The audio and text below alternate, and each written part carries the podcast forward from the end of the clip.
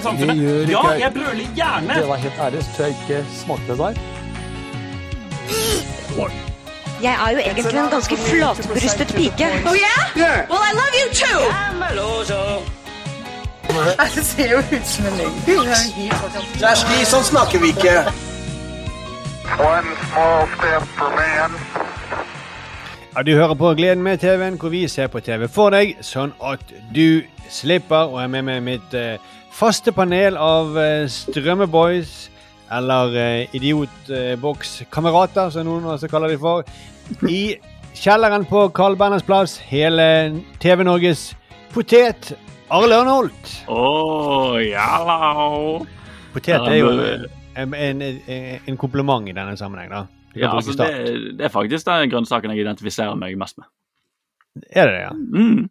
Ja. Allsidig, ikke sant? Og kan Mm. brukes til hverdag og fest. Og liker å seg ned i kjelleren, ikke sant. Må ikke få for mye sollys, ikke sant? for det får noen rare utvekster og Ja. flekker som uh, må til legen og hele pakken. Og ved siden av et eh, kanskje det, det mest kjente kaninburet på Hasle, eh, Bergens svar på George Clooney, Stålevik Pedersen. Oi, oi, oi. George Clooney, altså. Heller. Det var veldig hva- det er på grunn av håret, da. Ja, ja, ja. ja. Nei, for uh, han har sikkert mer spennende kjæledyr enn meg. Men altså, du trekker en del, ikke damer, men du trekker en del eh, barn til leiligheten din med den kaninen. Det gjør jeg faktisk. Og det er jo uh, ekstra kjedelig å bo i første etasje. Og at kanin bor rett ved inngangsdøren til terrassen. Så det er ofte det er Veldig små barn som banker på. Veldig ofte når meg og Ståle sitter og jobber på hjemmekontoret, da sitter vi og skyper, og så Oi, vent litt, noen som banker på på terrassedøren.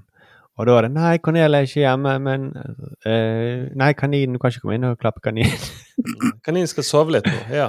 Han er litt Ja. sånn trøtt nå. Han er på Nei, jeg har ikke vært med i en sånn DNB-reklame. Nei, jeg har ikke vært med. Det er ikke George Clooney. Ha det bra. Jeg kan bare si kjapt, Vi hadde også kaniner i oppveksten. Eh, Ja. opp, vokste opp midt i byen og hele pakken, så det eneste kjæledyret du kan få, er kanin. Uh, og de døde på veldig grotesk vis, alle sammen. Ja. ene ble spist av en hund, den andre spiste så mye at den døde. Og den tredje bare stakk av, og så fant vi en sånn harefot hver ene en gang. Så altså, det er jo Jeg har nok av tips hvis du har lyst til å kvitte deg med den der kaninen. Jeg har en altså, kanin, vi- den, jeg skal bare si, Den ene kaninen min døde jo av um, Den ble drept av naboens katt. Og de to andre kaninene de, Vi fikk masse kaninunger. Det ga vi til eh, en vi gikk i klasse med. Eh, Morten kan vi kalle han, siden han het Morten. Og han fetet bare opp kaninene. Og så var det faren til Morten. Han hadde vokst opp på gård, så plutselig var de en søndagsmiddag. Var det egentlig det jeg skulle fortelle deg òg? Eh, om de kanin... Den, den kaninen som levde igjen da, av eh, dine kaniner, Sturle, Ja. den eh, fikk jo slag. Så den, ja. og så var han forkjølet hele tiden. Så det skal ikke sånn, han var gikk sånn med slapp hodet gikk han og nøys. Herregud. Slengte med hodet mens han nøs. Det er så Eh, trist. Ja. Ja, nei, men jeg tror han levde lykkelig, jeg. Nei, det Vi tror ikke jeg. Jeg synes den er fin. Vår kanin, vi hadde også kanin. Eh, Den jeg tror ikke jeg hadde like bra som deres eh, kanin. Vi hadde sånn dvergkanin. Som så var engstelig hele tiden. Og, ja.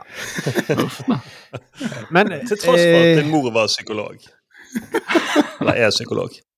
Ja, hun er faktisk det et, noen måneder til. Mm. Før hun Vi teller ned. Før, før politiet får vite hva som skjer med kaninen. Ja, heller før eh, faren til Morten slakter hunder, da. Men eh, han som eh, ler sånn dumt i bakgrunnen, det er da fra et loft på Paradiset i Bergen. Podkastvennen svar på eh, Sofie Elise Thomas Teige.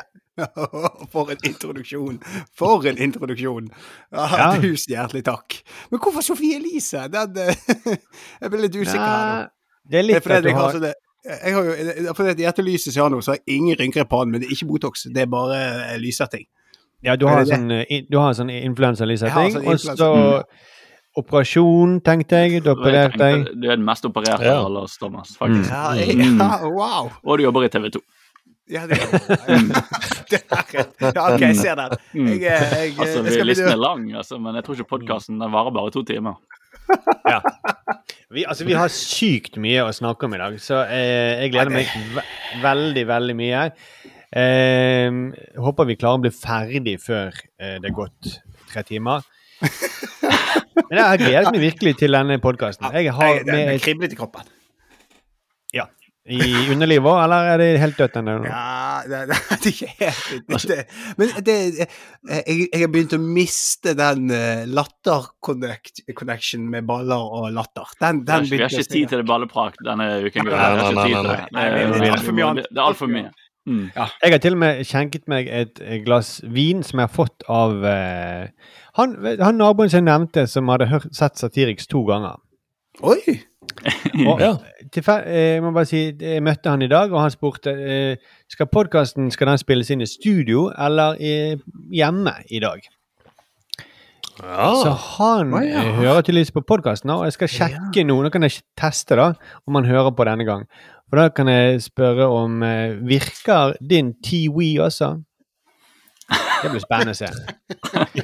For vi har samme borettslag. ja. Ha, ah. eh, har, dere Tiwi? Ja, vi har Tiwi. Er ikke det verdens dårligste dritprodukt? Jeg Altså, vi, vi, vi, har bodd eh, der, altså, vi har bodd der i snart i to år, og den har virket eh, Kanskje en tredjedel av tiden har virket. Det er alltid noe kødd med den.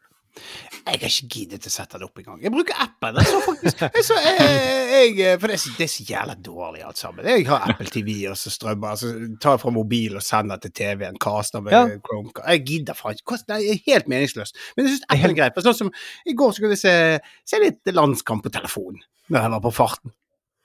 Nei, Ja, det, kan du, det kan du jo gjøre med, med appen TV2 Sumo eller TV2 Play. Ja, men den, den, den Jo, den har jeg jo. Helt meningsløst. Jeg, jeg trenger ikke Tiwi. Fuck Ja, Tiwi. Sinnssykt dyrt. Og til og med så det var så mye fram og tilbake, så sendte de reparatører. Ok, vi skal sende en reparatør for å se på det. Å ja, det var et problem. Ja, vi, men da fikser vi det sånn og sånn og sånn. Og så fikk vi regningen for reparatørene etter et halvt år uten TV. For det er det kanalboksen. Altså det er den eh, boksen som ordner TV-kanaler. Det er det som er TV-boksen. Ja, og så har han også noen sånn funksjoner at du kan se eh, programmer som har gått denne uken når du vil. Og så kan du også se apper, sånne Netflix og eh, Ja. Ikke alle mulige apper. Som en eh, datamaskin. som en iPad, ja, sant. Som en telefon. Ja, det er som en sinnssykt dårlig variant av Apple TV, rett og slett. Ja, Det så er må, bare til å bruke en veldig dum fjernkontroll. Ja, og det er jo et veldig bra selling point for når du skal inn til borettslag. Så vi har en løsning som er veldig mye dårligere enn Apple TV og Chromecast. Vil dere ha den? Ja, den går vi for. Men det er jo pga. nettet vi har det her, da. For det var, de, nettet ligger jo allerede i systemene. Altså Telenor sitt. Så vi får det bare på kjøpet. Så jeg bare Mm. ja. Men det som irriterer meg med de reparatørene, da, hvis vi skal inn på de vi, fikk, også, Ja, fikk ny boks, vi fikk ny boks, og så sa de at vi skal hente det gamle utstyret. Da kommer det reparatører for å installere det nye og hente det gamle. De kom ikke for å montere det, og nå står det gamle bare her og venter. Og så spurte jeg så til noen ja, skal jeg sende det tilbake. Jeg, jeg, jeg må jo betale dritmye, for det er jo flere sånne bokser, sånne gamle mm. wifi-greier. Støver. Ja, støver. akkurat- som her. liker ikke det. Nei. Akkurat det samme hos oss, og så fikk vi faktura for den som vi ikke har sendt tilbake. Som, ja, Ja, det drit. gjorde jeg òg. Forbanna folk, altså. Skulle du si noe, Arild, om Tiwi? Og det var så mye. Uh, nei, eh, nei, jeg bare begynte å tenke på de der funksjonene som kommer med sånne bokser. Og så det mest unødvendige av alle er den internettfunksjonen som ofte kommer med. Uh, hvor du kan gå og browse på internett på, Ja. gjennom med en dårlig fjernkontroll. Gjennom, Ja. gjennom en dårlig Sånn som på Samsung-TV og sånn. Så kommer du, vil du gå inn på internett og henge litt. så går det så treigt, og du må trykke deg gjennom så du spiller gammel Nintendo-spill for å liksom Mm. finne Google og skrive inn bokstav for Ja. bokstav. Det er helt insane. Men jeg, jeg, er det noen som bruker internett på TV, liksom. Skriv til, gjerne til oss hvis du er en aktiv bruker av eh, TV på eh, en sånn eh, på, på en nettleser på Samsung-TV, eller hva det måtte være. Da er du For det, jeg vil gjerne Da vil jeg ha deg som gjest i denne podkasten. Ja. Da er du en karakter. Vi må huske at alt jeg har sagt nå, det er bare direkte til naboen til Markus. som jeg Ja. Eh, er ja. tatt, det- er Dette er veldig sånn 2022 å kommunisere gjennom podkast. Nå skal han svare på sin vinpodkast, sikkert, og så skal han komme med motsvar, så vi alle lytter til. Hvis ikke han svarer på sin uh, reparatørpodkast. Kanskje han har en Tiwi-podkast, for alt vi vet. Mm. Gleden med Tiwi. Eller ikke gleden, da. Nei, det er kanskje ikke. Kanskje ikke. Men hvis det ikke er sånn sarkastisk tittel. Mm. Mm. Gleden med Tiwi. Det er sånn Men, sier eh. Jeg må, før vi går i gang med å snakke om eh, liksom det aktuelle, for det, det, det er jo der som det er mye å snakke om i dag, Nei, eh, så, så, Jeg vet ikke hva du snakker om. nei, eh, så må vi eh, si at altså, meg og Ståle vi var jo med i en turnering i helgen. Ja, eh, Er denne sjakkturneringen dere Ja. snakket om? Mm. For Ukraina. Det var kjendiser eh, og meg og Sturle som eh, eh, spilte på Deichmanske. Og det var veldig mye folk.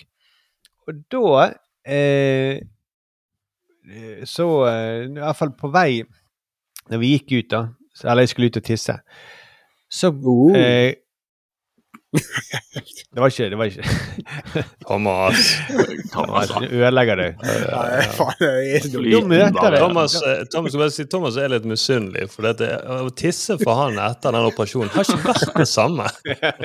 Uh, Tisse på vanlig do. Uten lege til stede. Du ble så fort passiv-aggressiv. Vi må bare si tisse en gang, og du bare 'Å, så jævlig fett at dere snakker om tissing'. Ja, Det kommer ikke noe blod ut eller noe sånn. Uh. Ja, vi, vi må videre. Fortell historien din. Eh, Ja, jeg vet ikke om jeg vil. Ja, men men da, da- møter jeg en fyr Jeg kommer en fyr som, som tar tak i meg og sier «Ja, det er 'Veldig bra, denne podkasten deres'. Eh, og så tenker jeg det må være den gamle podkasten Satiriks. Eh. Mhm. Ja, det var 'Gleden med TV-en'. Og han her kan dere få se bildet. Han heter Sondre. Og han har til og med kjøpt seg spisse sko. Nei! Wow! Mat er merchen vi bør skaffe. Det er jo Ja, det syns Han han. Thomas før operasjonen. Ja. Jeg het Sondre før operasjonen. Det var... Mm. Så han var veldig var Han likte det veldig godt. Så gøy. spise de skoene, da. Det var, Ja. det var, det var jævlig gøy. Jeg forsto det sånn som at han hadde kjøpt de spiseskoene etter han hadde hørt på podkasten. Ja, det er helt fantastisk. Det er helt, jeg har kjøpt Eh, Tesla òg, da. Hæ? Jeg har kjøpt en Tesla òg, eller? Det er neste steg, liksom. Nei, han har, ja, han har kjøpt den og kvittet seg med den. Ja, ja, du må kjøpe den og så selge den. det, det er liksom det som er greien. Du må ha salgspapirene på en Tesla. Det er det som er den beste merchen. De ligger helt fremme i den spiseskoen. Vent, jeg har salgspapirene her fremme i tuppen. Ehm, Det er gøy. Ja, det er veldig stas. det strømmer litt inn med sånne eh, reaksjoner også. Anders Reff, som eh, har hørt på, som sier at eh, Apropos om Frasier tåler tidens tann, som vi snakket om. Mm. Så sier han ja, sett det bort ifra eh, ekstrem slutshaming av Frasiers single kollega produsent Ross Doyle. Eh, ellers smart, morsomt, koselig, meget velskrevet. I alle fall sesong 1-6. Ligger på Viaplay, for det lurte vi på hvor, hvor ligger. det. Ja. Så kanskje vi skal se det i løpet av sommeren? Når det ikke går som helst TV. Mm. I løpet av sommeren, så her har vi ambisjonsnivå. eh, også eh, Imre, eh, som vil at vi skal se Peacemaker. Ja. Eh, og han synes for øvrig at eh, denne podkasten er veldig morsom. Han har hørt alt den gamle podkasten tre ganger. Oi, og han helsike. mener da at Sturle, ifølge han, er den beste norske komikeren. Åh. Oi, oi, oi. Det var veldig hyggelig. Mm, da lurer jeg på om kanskje han så meg spille sjakk også. For det var også. Hva mener du er den beste er sjakkspilleren her? Nei, jeg tror jeg at han er den morsomste personen som spilte sjakk. I og med at jeg uh, var den første som fikk uh, Hva var det jeg gjorde. Jeg hadde gjort et ulovlig trekk, og da kom Lahlum bort, og så tok han Vi spilte på tid. Og så tok han ett minutt fra meg. Så nei. Nei. Ja, Faen, for ett minutt. Ulovlig Det trekk. går, det går ikke, Julie. Du må lenger ut på landet med den. Det syns jeg, det det sånn? syns, det syns jeg er Ja, det var det. barnslig, Lahlum. Det syns jeg er Ja, barnslig. ja, men det er sånn regelen er. Så. Ja, det er Ja, men- Kan dere male et kjapt bilde bare av kjendisene opp, Hvor stort var dette? Fordi du, du gikk på do og spiste sko og sånn, men var det liksom Følte dere dere litt uh, fete som var det? Eh, det var liksom å være eh, på, Når de har sånn pizza på fredagen i NRK. Det var liksom den type kjendiser. okay, så jævlig Eh, vel- fett, da. Ja. det var veldig sånn hummer og kanari. Det var litt, kriteriet var ikke for å være kjendis, det var at du på en eller annen måte kjente litt Torstein Bae, tror jeg. Det var hans venner. Flu Hartberg var der, for eksempel. ja, kult. Ja. Som er Mm. barndomsvenn av eh, eh, Harald Eia var jo der. Han er, kanskje, han er jo stor kjendis. Mm -hmm. uh, Ja, han er kanskje den største. Kaveh Rashidi. Eh, Han Mhm. er legen. Mhm. Ja, fra Eh, 16 uker av helvete. Ja, ja, ja, det var, Ja, var, ja, ja. ja. legen der. Ja. Så masse potensielle gjester til podkasten, egentlig. Her er vi Ja, Bård Ja. Sturle spilte mot Bård Vegar Solhjell. Eh, og mm. han som vant, var jo eh, eh, farmen eh, Vebjørn Selbekk. Ja. Selbekk.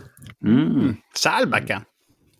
Ja, nei, og jeg spilte med hun i Nissene på låven. Hun eh, eh, Hva heter hun? Hun Åh, Åh, nei, jeg glemte. Hun skuespilleren som var med hele veien.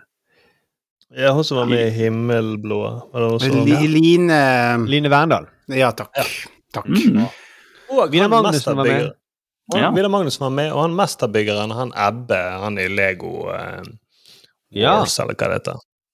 Så dere var rett og slett Dette var, dette var, eh, dette var, dette var kjendisparty. ja. Det var kjendisparty. Eh, det, var, var, det var som å være på fest midt på dagen, så det var veldig hyggelig. Det høres også det er koselig. Dere går oppover i verden. jeg steg nærmere å være med på reality-TV, det kjenner jeg. det, det nærmer Skor oss, på, skor oss på alle kriger som finnes.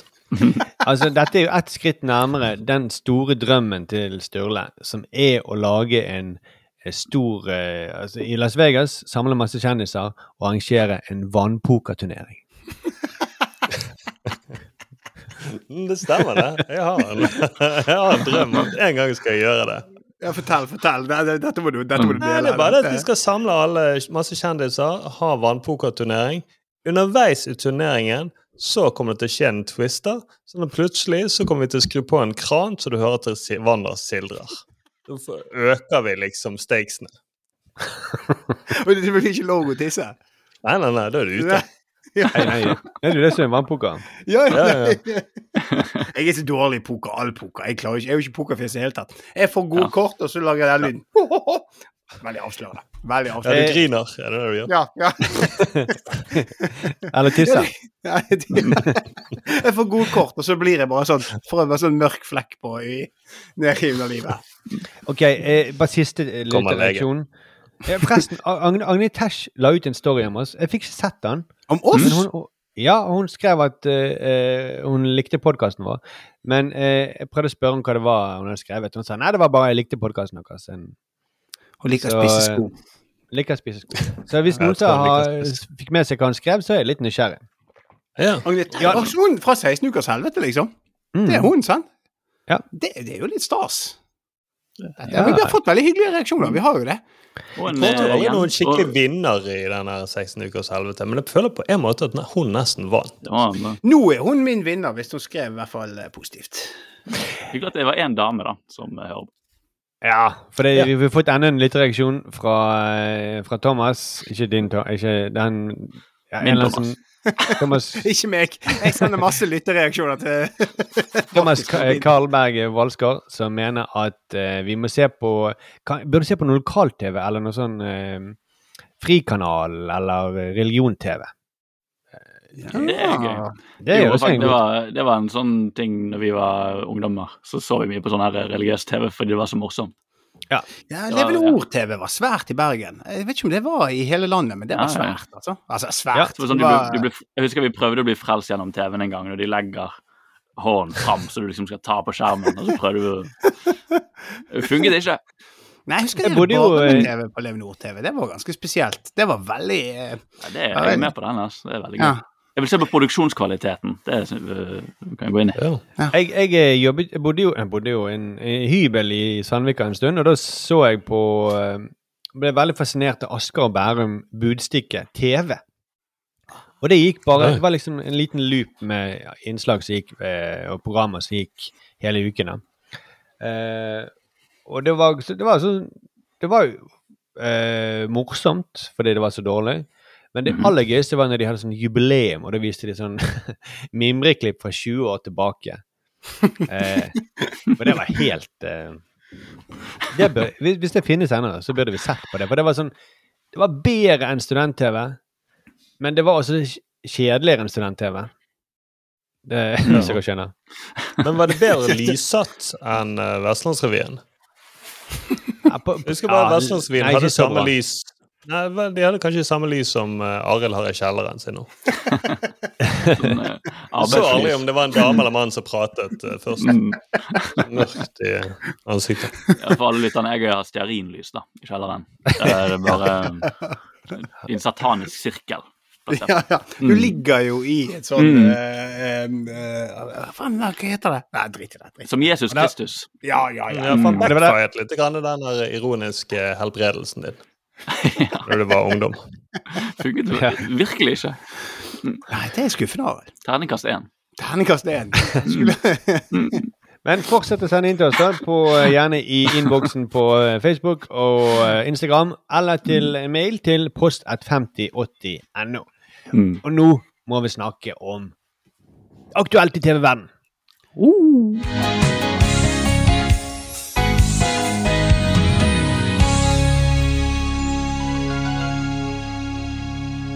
Og vi må begynne med Oscar-utdelingen, eh, da Will Oh. Endelig fikk den anerkjennelsen han eh, fortjener for sin eh, rolle som Hollywoods største ego. Oh. Det var kanskje ikke Norges beste komiker som sa det, men eh, det, jeg mener det, det, det er litt sant, er ikke det? Han har et jævlig svært ego. Altså, her er det så mye å gå inn. Og det er jo, ja Det, det første jeg tenkte da når dette skjedde, var at han eh, At sånn mafia Det var helt mafia, da. Det var den egoet til en mafiaboss. Ja. Som noen sier noe han ikke liker, så går du bare rett opp og smekker det i trynet. Foran hele viser- verden! Foran hele verden. Og du tenker deg ikke om, du forsvinner helt og sier dette, dette går jo ikke, og så smekker du noe i trynet. Uh, det, var, ja, det var helt mafiavirksomhet, egentlig. Ja, og, og så, det er litt denne mafia-æreskodeksen òg. Hei, ei, Mm. du disser du noen av mine? Eh, Mm. For det var jo ikke mot Will Smith heller, det ble sagt. Var jo konen. Eh, og det- er jo veldig viktig, for Chris Rock skjønner ikke hva som skjer. Han, han står jo bare og ler når Will Smith kommer mot han. Mm. Eh, vi kan kanskje høre litt på det. Og jeg, for han ler jo jeg vil legge merke til, Han ler jo etter han ble slått Han Akkurat som ikke da heller hadde gått helt opp for han. Mm. Jada, I love you. G.I. Jane 2, can't wait to see it. All right?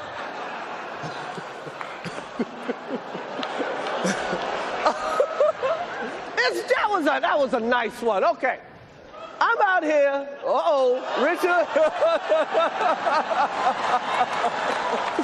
oh, wow. Wow. Han ler. Will Smith just smacked the shit out of Wow. me. Wow, dude. Yes. It was a G.I. Jane jump.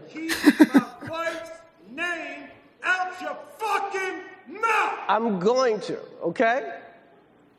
Der tror jeg det går på hva som skjer. Da blir det plutselig skummelt. ikke sant? Ja. For da er det sånn, å, Han er helt alene på scenen. Og han vet ikke hva han skal gjøre. history of television. Okay. Det var litt mer. Nei, det- er så Altså, jeg våknet opp om, eh, eh, på, om morgenen med bare å få tilsendt memes med at Will Smith Will Smith? Will Smith hadde, hadde slått på Oscar, og jeg bare Jeg, jeg, jeg, jeg, trodde ganske lenge at det var fake, altså. Før jeg faktisk så det et par ganger og så på reaksjonen til Chris Rock, da, at han er jo Han blir jo virkelig rystet. Men Ja, det han er sier jo- skrikingen etterpå. Han prøver seg med en vits og sier at det er den største kvelden i Oscars historie. Eh, som er en, nesten en vits, eller høres nesten mm. som en vits, men ikke er det. Ikke Chris Rock-nivå, da. Og så etterpå så sier han eh, Og nå skal vi gi ut en dokumentar. Nei, nei, vi skal gi ut eh, dele ut prisen for Så han er jo helt ute. Ja, Det, altså, det er jo det sjokket der. For det er der det går fra å være litt absurd og rart til å bli litt skummelt, òg, for du skjønner at han faktisk er oppriktig rystet. da. Eh, og du blir litt sånn Jeg vet ikke, han klarer akkurat ikke å bære det helt. Han kunne jo den der show must go on-greien, som han egentlig er ganske god på. Klarer, Han får ikke panikk eller blir sur tilbake. Han klarer å holde showet gående, men han får jo ingen drahjelp. Alle er forvirret. Og det der å klare å punktere den der uh, intensiteten i rommet, det klarer det akkurat ikke. Fordi han er oppriktig rystet. da. Så det er jo da det plutselig blir litt ukomfortabelt, når du skjønner at han er ukomfortabel. Men, men altså, jeg har jo blitt slått ned. Eh, da var jo du til stede, Sturle. Eh, Hæ? Ja, det var jo jeg som slo. Men det, det var på bussen en gang, og det, var- det var sånn sjokk. At det var en som skallet meg, da, først. Mm. Ja, I nesen. For jeg sto liksom oppi trynet på han og sa 'Du kan ete drit'. Du kan ete drit. Og så, Så, så du det, eller? Så hvem, hvem sa jeg, jeg, jeg, Du er skallet som et egg. Du er en skallet mann. Du er skikkelig skallet. Ser ut som en, et egg. Og så, og så skallet han til meg i nesen. Og så Mm. var det så sjokk at jeg, jeg eh, fikk masse adrenalin og klarte ikke Det gjorde ikke vondt, for jeg var, ble så gira liksom, av adrenalin. Så jeg bare sto der fremdeles og fortsatte. Og, du skal ete drit. Jeg skjønte ikke helt hva som hadde skjedd. Mm. Det, før lenge etterpå. Og da tok Sturle måtte dra meg husker jeg, etter, etter sekken. bare, du, du, du, Vi setter oss her borte. Mm. Og så begynte det å gjøre vondt, og så eh, fikk jeg Men det, det gikk jeg var, ikke noe, jeg var ikke noe spesielt full heller. Jeg hadde drukket én øl. Eller. Når Det var veldig rart. Jeg var på, På barneskolen. Ja. Ja, det var Mm. ja, det, er- Jeg tror det var på altså, 18-årsdagen min, var det? ja, faktisk. Ja, stemmer. Mm. For dette er jo, Hvis det skjedde på Oscar, hadde skjedd på den uh, bursdagen òg, så hadde ikke folk egentlig reagert like mye. Pointet var jo at det var midt i showet, og du har en komiker Ja. som gjør jobben sin. Han er på jobb, liksom. Mm. Det, hvis han fyren hadde skalt ned buss, uh, holdt på hvis, hvis dere var på en buss og skalt ned bussjåføren, da hadde det blitt et veldig stort problem. Og det ødelegger for alle andre, liksom. Ja, og det, og det, det viser jo litt det som er så mafia med det òg. For han kunne, hvis han, han kunne jo ventet til eh, nachspielet, så slått til Chris Rock da. Men han ville vise Ja. over hele verden at du kødder ikke med meg og mine. Og det, Nei, det er så mye åh, uh, Dette er jo snakket veldig mye om, og det er så veldig mye man vil si. Men jeg hørte en, noen si noe da på, som var så Den virkelig korrekte reaksjonen. Hvis han, var, ja, hvis han var smart og virkelig skjønte at om ti minutter jeg kommer til å vinne Oscar, jeg har jobbet kjempelenge for å vinne den Oscaren. 30 år av folk gleder seg til å se meg liksom bli hyllet fordi folk elsker jo Will Smith. Hvis han bare hadde klart å si at 'jeg tar han i talen min', Ja, jeg ja. tar man i talen. Hvis jeg klarer å svare med ord, så får jeg noen PR-folk her. Vi kommer på noen saftig comeback. Det ville vært så mye mer tilfredsstillende. Fordi det er liksom, Hvorfor bli fornærmet på hennes vegne? og det- er litt sånn ikke så tydelig, for den vitsen var jo ikke så drøy eller syk, egentlig. det var ikke så bra.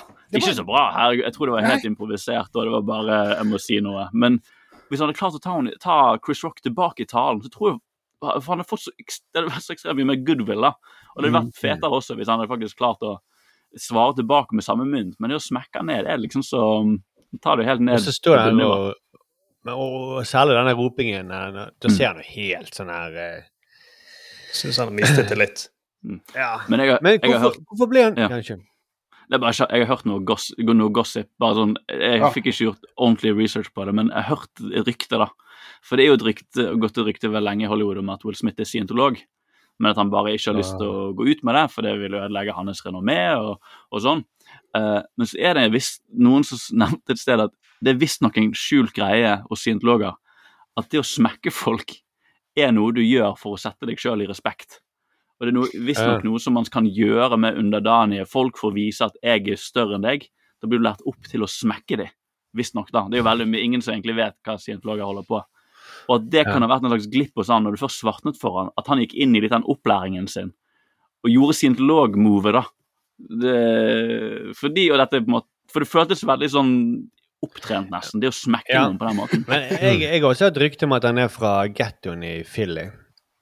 At eh, Jeg vet ikke om det stemmer. Ja, Andrew Schultz hadde en vits om det. Han, han, hadde, han, hadde, han hadde en sånn jævlig magisk roast på uh, sosiale medier nå. Uh, men det er blant annet vitsen at uh, Will Smith eh, Han sier hva jeg sier.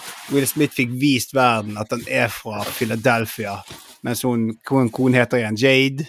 Jada. At, ja, men, mens hun så ut som hun var fra filmen. Og det er så jævlig bra. At, Men, han- jeg, men jeg, jeg lurer på Eller hva, hva skulle du si noe mer? Sorry. Nei, den, roasten eh, Andrew Schulz bare sjekk det ut. Det er, det, det er tre-fire minutter bare. Det han gjør, er det at han, han er forbanna, og så er han bare sånn der at dette kunne skje liksom med en så uskyldig vits, så han bare ikke kødd med komikere, for da skal vi vise hva virkelig Ja, slemme vitser er, Mm. og det er så deilig. Alt er bare bam, Men- bam, bam. Men jeg skjønner ikke hvorfor Will Smith ble så sur. Altså, Vet han ikke at konen er skallet? Hun har jo vært ute og snakket om det i media, liksom, og sånt. Det, og han, det er jo eh, Han sitter jo og ler av det først. Nei, men Det er jo også en sånn greie med at han har jo sjøl vitset om den sykdommen. Det har jo kommet fram nå. Det var masse klipp i siste Altså, de siste Det, det er bare sånn Der han er på et talkshow og gjør narr av en som har sykdommen. Så bare Ja, you Nei, have nei, nei, nei. Han gjør narr av en skallet mann i bassist. Ja, men jeg tror Ja, OK. Ja, det, det, Det var jo også når han var veldig mye yngre, da. Det, det er jo Jo da, men det er jo gøy. Det er veldig gøy Det er veldig gøy når det kommer Når du bruker all gammel drit mot deg fra tann Det syns jeg er litt tilfredsstillende. Men jeg tror det er så lett Det er så opplagt at han tar feil, og det er liksom ikke så, lett å ta han bare utgangspunktet. Handlingen var jo bare idiotisk. Det, det, det, det, er bare, det er helt opplagt at hun ikke har hår. Hun sitter der uten hår. Hun har ikke parykk på det. eller noe sånt. Mm. Så, og det, hun, hun viser det for stolt fram, liksom. Ja, hun er jo veldig åpen om sykdommen. Det har jo hun vært. Så det er jo liksom Og det er jo derfor vitsen er så dårlig òg. Ja, Det er liksom virkelig- ingenting der. Jeg tror virkelig det handler intuitivt. Da. Det, det er mye som følelser. Det ene er jo den der maktgreien, og du skjønner, skjønner at Oi, Will Smith Det er liksom sånn når, eh, når Tom Cruise hoppet på den sofaen i Opera Husker dere det? Ja. Og holdt Oprah sånn rart i hendene, og folk bare skjønte at å nei, Tom Cruise er gal. Liksom. uh, han er faktisk en person som lever et helt annet liv enn oss, en annen virkelighetsforståelse og paralleller. Dette var hans måte å vise kjærlighet på, som en helt absurd måte.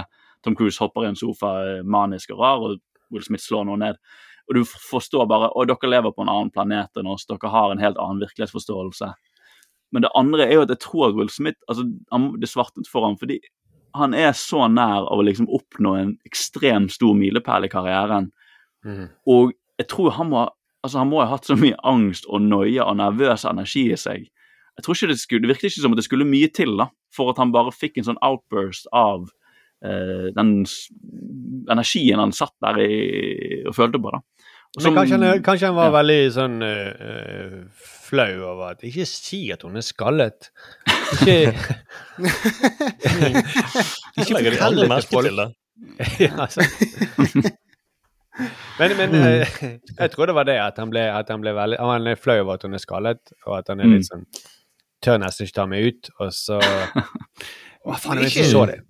Men ikke det veldig mye grem at han nesten er litt redd hun òg, da? Ikke litt sånn eh, hun, Jo, altså hun, ja, hun Jada Pinkett Hun har jo en egen um, serie, The Red Ja. Table Talks, eh, så, så handler veldig mye om sånn opp, intern oppvask i familien. De er jo en ekstremt kjent familie.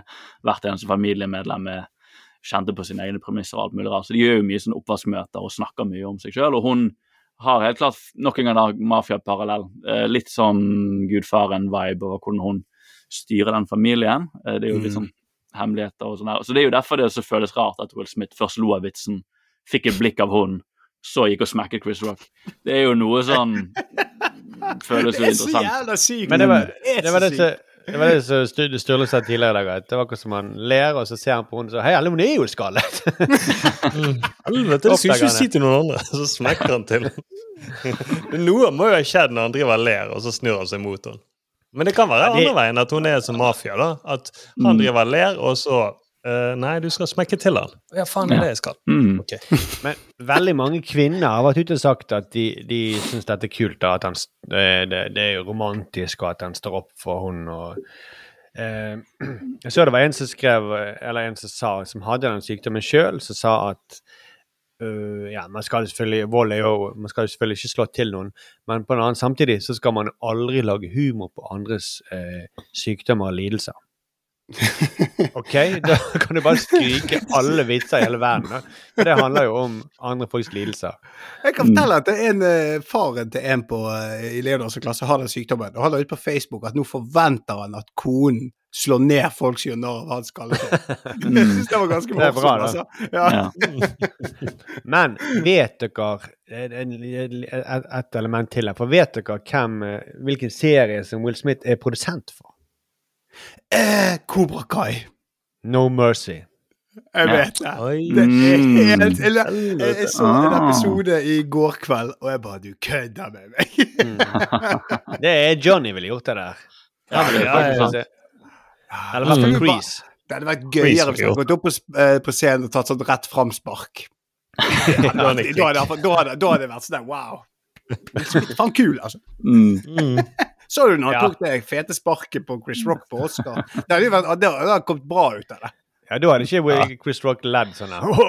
Etter Nei. den. Og så hadde han gjort sånn hæ! etterpå. Mm.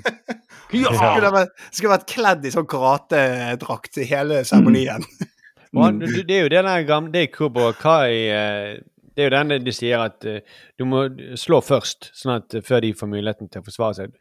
Han, han ser jo ikke hva som kommer i det hele tatt. Han eh, kan tenke å ja, her kommer det en annen tullete mann, en komiker, Mm. Mm. Han rekker ikke å blokkere, liksom, eller noe. Og så Ja, ser du på det Det bildet at. Ja. Mm. Nei, si det videre, du. Ja da. Eh, eh, nei, men du ser bare at eh, Will Smith eh, I det han på det bildet, eh, det mest kjente bildet, så står han når han har slått, så holder han opp hånden klart liksom, til å blokkere slag, motslag fra Chris han har øvd på dette her. Ja, han, han, Ja, jo, men det at det er innøvd. Altså, det var ikke noe bare han fant på akkurat. Han visste Ja, hvordan for han skulle slå da. Ja, for det, det syns jeg òg. Det er et veldig profesjonelt gjennomført slag. Jeg, eh, hvis jeg Har dere sett Independence Day, hvordan han banker opp det romvesenet, eller? Altså, det er sånn overraskende med at han ikke bare sa 'Welcome to Earth, bitch'. Altså, han Det hadde vært kult. Da hadde han igjen fått respekt. Det hadde vært mye kulere. Og han har jo tross alt Forrige gang han var nominert til Oscar, så var det for å spille Mohammed Ali. Så Det var det. Ja, jeg Ok, ser for altså, meg han har jo det.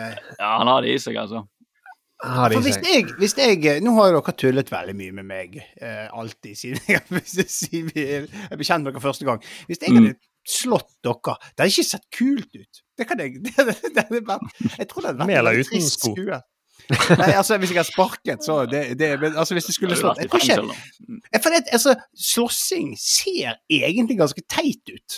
Hvis man ser noen som begynner å slåss på gaten, så er det jævla Ja, ja. rart. Jeg, sånn, du, ikke, ikke på TV, men sånn Jeg husker jeg, den rareste tingen jeg har sett. Jeg, satt, jeg jobbet i, da jeg var i reklamebransjen, så satt meg og Olav Iversen vi satt i et møterom og jobbet med en eller annen kampanje. Så ser vi ut vinduet, så utrett så masse slagsmål utenfor en restaurant i sentrum av Bergen. Det er noe av det sykeste jeg har sett.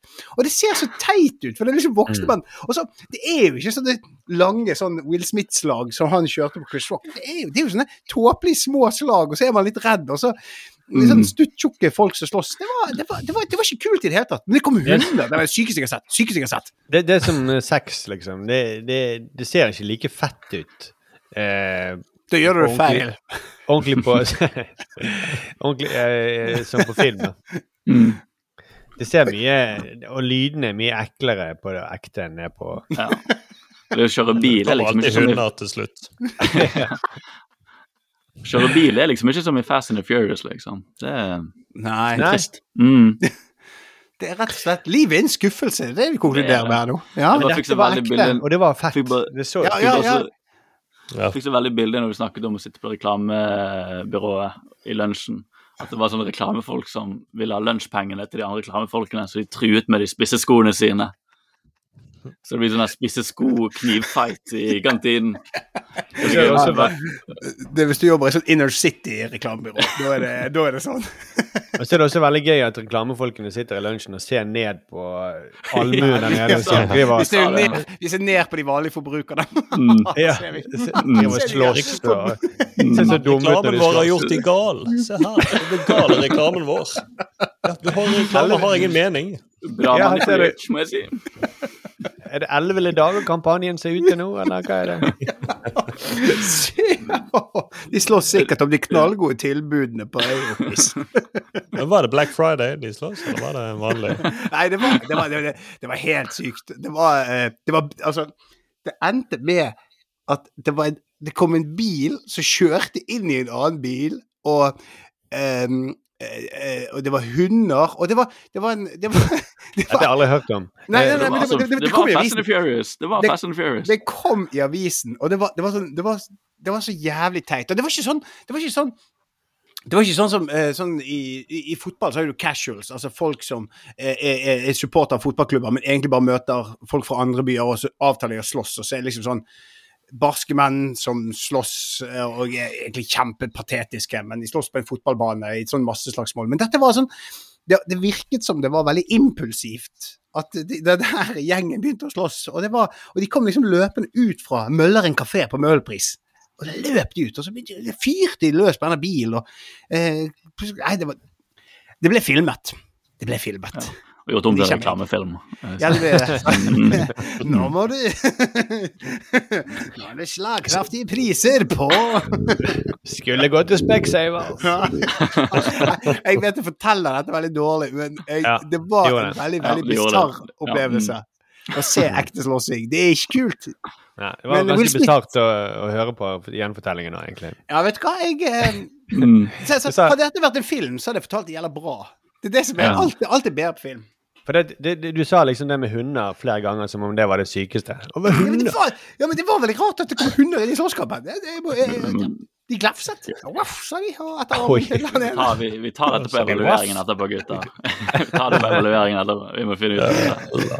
Ja, Men jeg, jeg må også få si en ting til, for det var en, en stuntekspert Altså, som den som er Jeg vil kanskje si at jeg er stunteksperten i panelet her.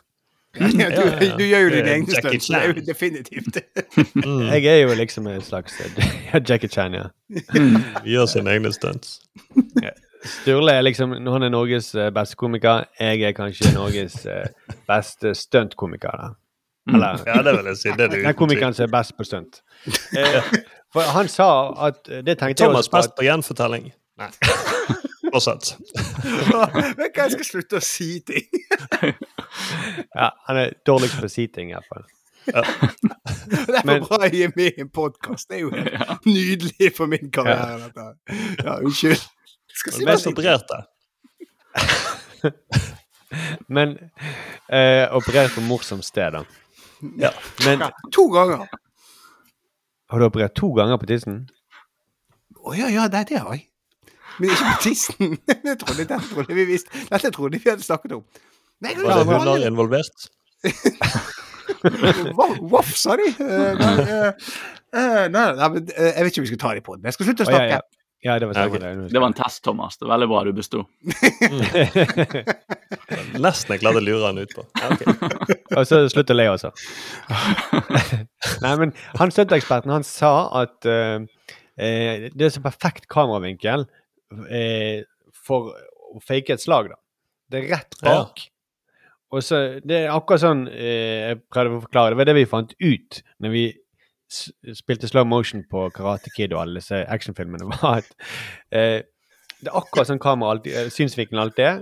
Og så kan, da kan du jo og så, da kan du jo trenger du ikke være nært ansiktet engang, hvis ansiktet går samme vei som knyttneven. Hvis det times Mm. riktig. Mm. Men er, Så er du i ja. campen som tror det var fake? Nei, men, eh, det, nei, men han har et poeng at det var helt perfekt. For det skiftet Mm. til kamera, den, den kameravinkelen akkurat idet den går opp der. Så eh, hvis det er noe som taler for at det er fake, så er det det. Men, Mm. men jeg skjønner ikke hva, hva de har å tjene på det. Det er Nå liksom det- det. Alle blir kjempesure hvis de sier at det er fake. Det er ingen som syns det er morsomt. Og eh, i tillegg han, Reaksjonene de er ikke så gode skuespillere at de kan stå der og grine. Og, da skal de få Oscar for det, iallfall. Ja, nei, det var ja. Mm. Men jeg synes det er eh, bare en idé her, Markus.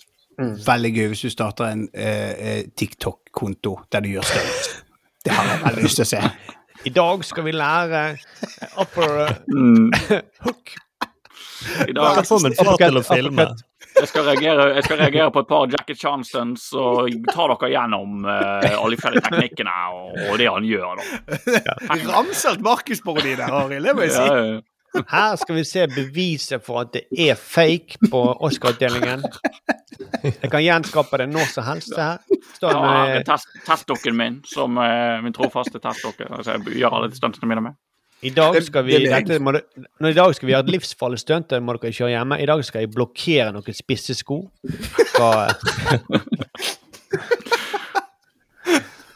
må ta opp noe med alle de hatersene som sier at jeg faker uh, stuntene mine. Uh, ville jeg hatt disse blåmerkene, da? Hvis det var fake? Spisse blåmerkene. Her er et bilde av meg fra legevakten. Jeg trodde det var for hard kost for kanalen, men jeg må nok legge det ut likevel. Dette må du bare gjøre. Det må jeg gjøre. Det, det er mer enn YouTube-konto med sånne her eh, ti minutter lange videoer. Hvor, hvor jeg, må, jeg må svare på all, all kritikken, og jeg ser at det er noen som eh, kaller meg en Dette er bra i mange kanaler. Dette er bra i alle, alle medier. Kom igjen, få det på. Ja, ja, OK, jeg kan begynne med det. Er. Men jeg, jeg tror det hadde vært gøy hvis du tester det ut. Så er Thomas er den personen du slår på hver gang. Ja. Eller Ja, sant? Eh, men eh, Er vi ferdig med Oscar-utdelingen nå? Ja. er vi det? Er Jeg, vi det? det var jo, jeg trodde jo den store snakkisen kom til å være at Liv Ullmann vant uh, Oscar, men eh, ja ja, nei, litt overrasket der. Ja, det, Mm. altså, det tok Mm. jeg, jeg, jeg brukte eh, en og en halv dag før jeg tenkte Hva faen, hvor gikk det med verdens verste menneske? Jeg hadde Ja. glemt alt! Alle, jeg hadde bare glemt alt med de norske du, var jo, tingene. du var jo nominert, Thomas, du. Ja, ja, ja, ja, Mm. ja, ja, jeg var Jeg ble jo invitert til eh, festen av Arild sin samboer. Til eh, Oscarfesten til verdens verste menneske. Åh. Som hun arrangerte, da. Ja. Mm. Mhm. Og så Å, ja. I Oslo, jeg- eller i Bergen? Akkur i Oslo, Eh. men som eh, veldig få kom til, for ingen har lyst til å sitte oppe hele natten og se på Oscar-utdeling, selv når du jobber i filmbransjen og har vært med i filmen. Jeg møtte faktisk, jeg Mm. kan ikke si navn, da, men en som var med å arrangere festen i, der borte i Hollywood. Han er litt høyt oppe i filmsystemet. Mm. Og så sa jeg at å, jeg har ikke sett den filmen dessverre ennå. Og han sa nei, det har ikke jeg heller. Og jeg skal lage festen. Så Veldig gøy hvis han da bommer litt på tema. At han tar det verdens verste menneske, så gjør han et eller annet feil med Så vi temaet. har sånn Hitler-tema. Du kommer altså alle som har sånne uh, Hugo Boss-uniformer og hakekors på armen. Og 'Velkommen til verdens verste menneske'. Det er jo sånne historiske drama vinner jo alltid Oscar. Åh, Mm. og for øvrig, jeg tro apropos det. det Det må jo være Han bare rasjonerer seg frem til Det må jo være Hitler, da. For han er Må jo være. Nei, ingen andre var verre. Eller var det Djengis Khan? Får ikke hester. Mm. Det var en sånn fantastisk historie fra England. eh, Der det var sånn kvinneforening, eller sanitetskvinne i England skulle ha sånn uh, Hadde sånn temadag, og så Uh, hadde de sånn piratfest. så inviterte de en foredragsholder. Så skulle, så skulle snakke uh, på den der temakveld, piratfest. Alle hadde tatt på seg kostymer og sånt. Og det var han pirateksperten. Han var ikke ekspert på den piraten som vi, vi alle kjenner til fra filmer og sånn. De hadde fått en som var blitt kidnappet fra, av somalske pirater. så tenk, tenk han kommer inn på scenen og skal holde foredrag, så står alle i sånne kostymer. Og, Hiv og hoi. Jeg syns det er så gøy å tenke på. Da. Har du, har du gjemt en skatt? kan, eh, kan, kan jeg fortelle bare en ting at eh, når vi var oppe Det er litt lignende historie. Det er ikke helt lik lignende historie. Ja, du kjør på. Vi var oppe i NRK for noen eh, dager siden. Og så eh, meg og Sturle og Mia Hundvin, eh, som har vært på podkasten her. Og så var vi litt gira, vi hadde laget noen greier sammen. Og så gikk vi ut, først meg og Sturle, og så møter vi rundt hjørnet, så står Vibeke Fyrst Haugen, den nye eh, kringkastingssjefen. Står og gjemmer seg litt og snakker med en annen. Og vi bare 'Hei, Vibeke! Oh, gratulerer!' Oh. Og hun bare ja. Litt sånn sjenert uh, og litt brydd, liksom. 'Å ja, å, vi heit på deg', og bla, bla, bla. Og hun 'Ja, jeg skal bare snakke ferdig her', Og så eh, kommer Mia Hundvin rundt, og så sier hun 'Hei, Vibeke!' Og det, vet du hva? Rettferdigheten seiret, Vibeke. Rettferdigheten seiret. Og hun er litt brydd. Ja ja, takk, takk. Ja. Og så går vi nedover, og så sier Sturle eh, Hun som hun snakket med, var ikke det hun andre kandidaten? Jo, det var det. Det kan være sånn Når Mia Hundvin kom inn, så ble det en tsunami av hyllest til Det var så så flau ut Ja, og vi- på. Og så for tull så gjorde jeg det liksom en ekstra en gang når Mia kom og sa hei. Så, vi, så kom vi og sa en ekstra Hei, Vibeke! hei!» Så det var eh, Jeg begynner å skjønne hvordan situasjonskomedien i Uddavekker kommer fra. ja. Ja. Mm. Det er jævla viktig. Ok, men Ferdigheten seiret. Ja, hun sa Det er kjipt å høre det. Det blir nummer to. Rettferdigheten seiret. Du er enig i det, Vibeke, er ikke du? Hun var så veldig for, for hun, hun er personen hun snakket med, hun nummer to-kandidaten. Hun snudde seg ikke med en gang når vi drev og aset, men så snudde hun seg og vinket litt som brydd, hun også. Og så kom Mia ut og ga full gass. Å, det er jævla vittig. Men er det noen andre som har noe på aktuelt? Thomas, Mm. Nei, jeg, jeg, jeg, nei, ikke på aktuelt. Jeg har ikke på aktuelt. Nei. Mm. Ja. For vi skal kanskje i gang med TV-uken snart. Kanskje vi det? vi har holdt på en stund. det Klarer vi, ti minutter, klarer vi ti minutter til, så har vi en time uten å komme ordentlig. Ja, men det, altså, jeg føler sjelden har det vært noe så voldsomt i nyhetsbildet som vi må ta tak i. Og det er Herregud, altså. Men jeg vil si jeg er glad for å legge det bak, men bak oss nå. Det, er liksom, det har vært så snakket så mye om det, og deilig å få det ut her på podden. Men jeg må jo si, jeg føler på en måte at det slippet var litt det verden trengte. Altså, Det var sånn tilfredsstillende, og det var så uventet og ut av det blå. Så har en hunch på at det var sånn, det resettet universet på en eller annen måte. At nå har det skjedd så mye dritt, så kommer liksom noe sånn uforvent, uforutsett uh, på Oscar-utdelingen. Og har en slags god vibe jeg, etter det jeg slipper. Jeg fikk en sånn derre Ja, men nå har jo alt skjedd. Så da kan vi begynne liksom å komme tilbake Putin til bare sånn normalen. Der Putin bare får se det der bunkersen sin, Nei, men helvete, jeg trekker meg ut av Ukraina. Det er bare alt, alt eh, Tenk hvis alt går i balanse igjen. Nei, men det er det jeg tror frykter skjer. Da. Hver gang det skjer noe stort, sånn som er jul eller når det er Mm. covid eller noe sånt, så når hele verden er opptatt av det, eller det er OL, så bruker Mm. Israel eh, anledningen til å drepe enda flere palestinere. De gjør jo det. Og så, Ja, så ja. jeg, jeg, jeg, Palestinerne så Oscar, så tenkte de bare sånn Helvete, nå ryker vi. Will Smith. Ok, nå har vi fritt leide i fire dager, folkens. Skal man slippe Drep i de der er- barna. Du har helt rett, Markus. Faen, nå skammer jeg meg for å være menneske. ass. Fordi vi, vi er en del av problemet. Vi snakker jo, Det er jo det vi vil snakke om. Vi burde egentlig snakket en time om eh, palestinske barn. vi nå. Ja. Thomas, kjør. Ja. Nei, OK, eh, men Jeg kan gjenfortelle var... mange dramatiske historier der, akkurat på samme måte som gjorde med den gateslåsskampen. Det, ja, Det var hunder der. Å, jeg, angrer. Du vet de der dyrene som jager katter? Hunder! Hvilken lyd var det nå igjen? Det var en lyd. Oh, oh. Herregud. Det verste. Hadde vennen til Mikke Mus og Langbein, han gule. Sånn var det! For folk løp rundt med sånne hundeposer plukket og bæsj på over hele Torgallmenningen. Helt sykt. Soppete lyktestolpene. Hva, var det? Var det en TV-podkast vi gjorde, eller har jeg glemt litt? ja. Eller var det reklamepodkast? hva aktuelt dyr har jeg sett i det siste? Ok. Nei, men da lukker vi Oscar for nå. Mm. Snakkes neste år. Mm. Sturle, hva har du sett uh, på TV denne uken her? Jeg har sett Norges største bankraner på Discovery Pluss. Oi. Jeg så den der, for jeg har vært litt bekymret for Thomas. Thomas, Du har jo snakket i mange episoder at du har sett papirhus og kunne tenke deg rane bank. Så nå skal jeg tenke at shit, kanskje det er et eller annet med Thomas. Jeg må se dette, egentlig. For å finne ut om, det, om du er i faresonen, da. Rett og slett.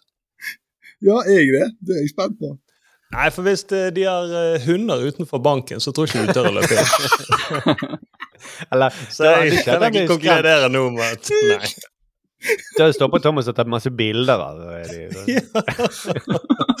Legger fra seg pistol og brekkjern og pengeposen. Helvete, se på de! Herregud. Skal selge til avisen, dette. De står på alle fire! Hva med dere?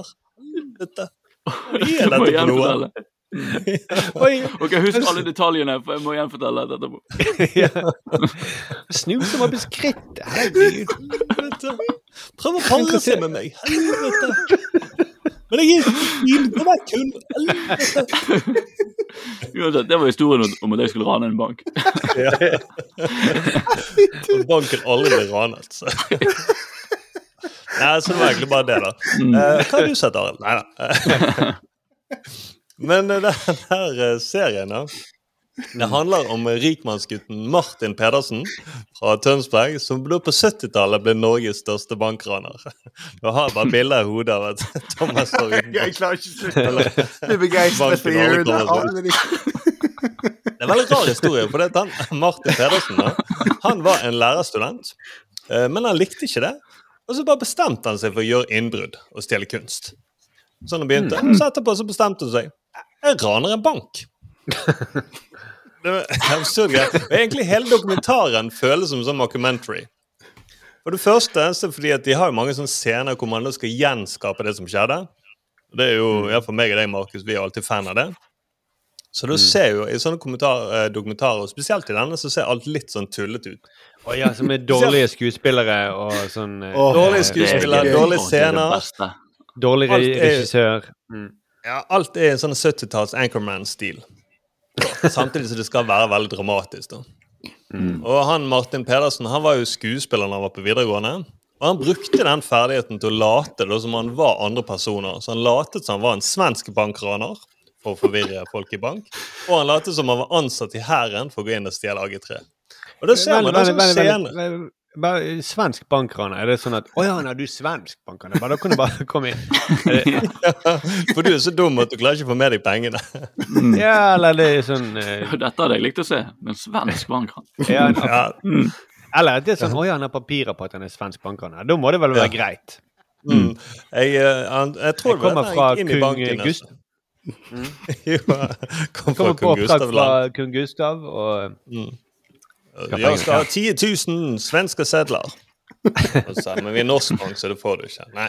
Men det er mye, mange scener hvor det er en sånn ung skuespiller som klistrer på seg løsbart og løsskjegg og sånne ting.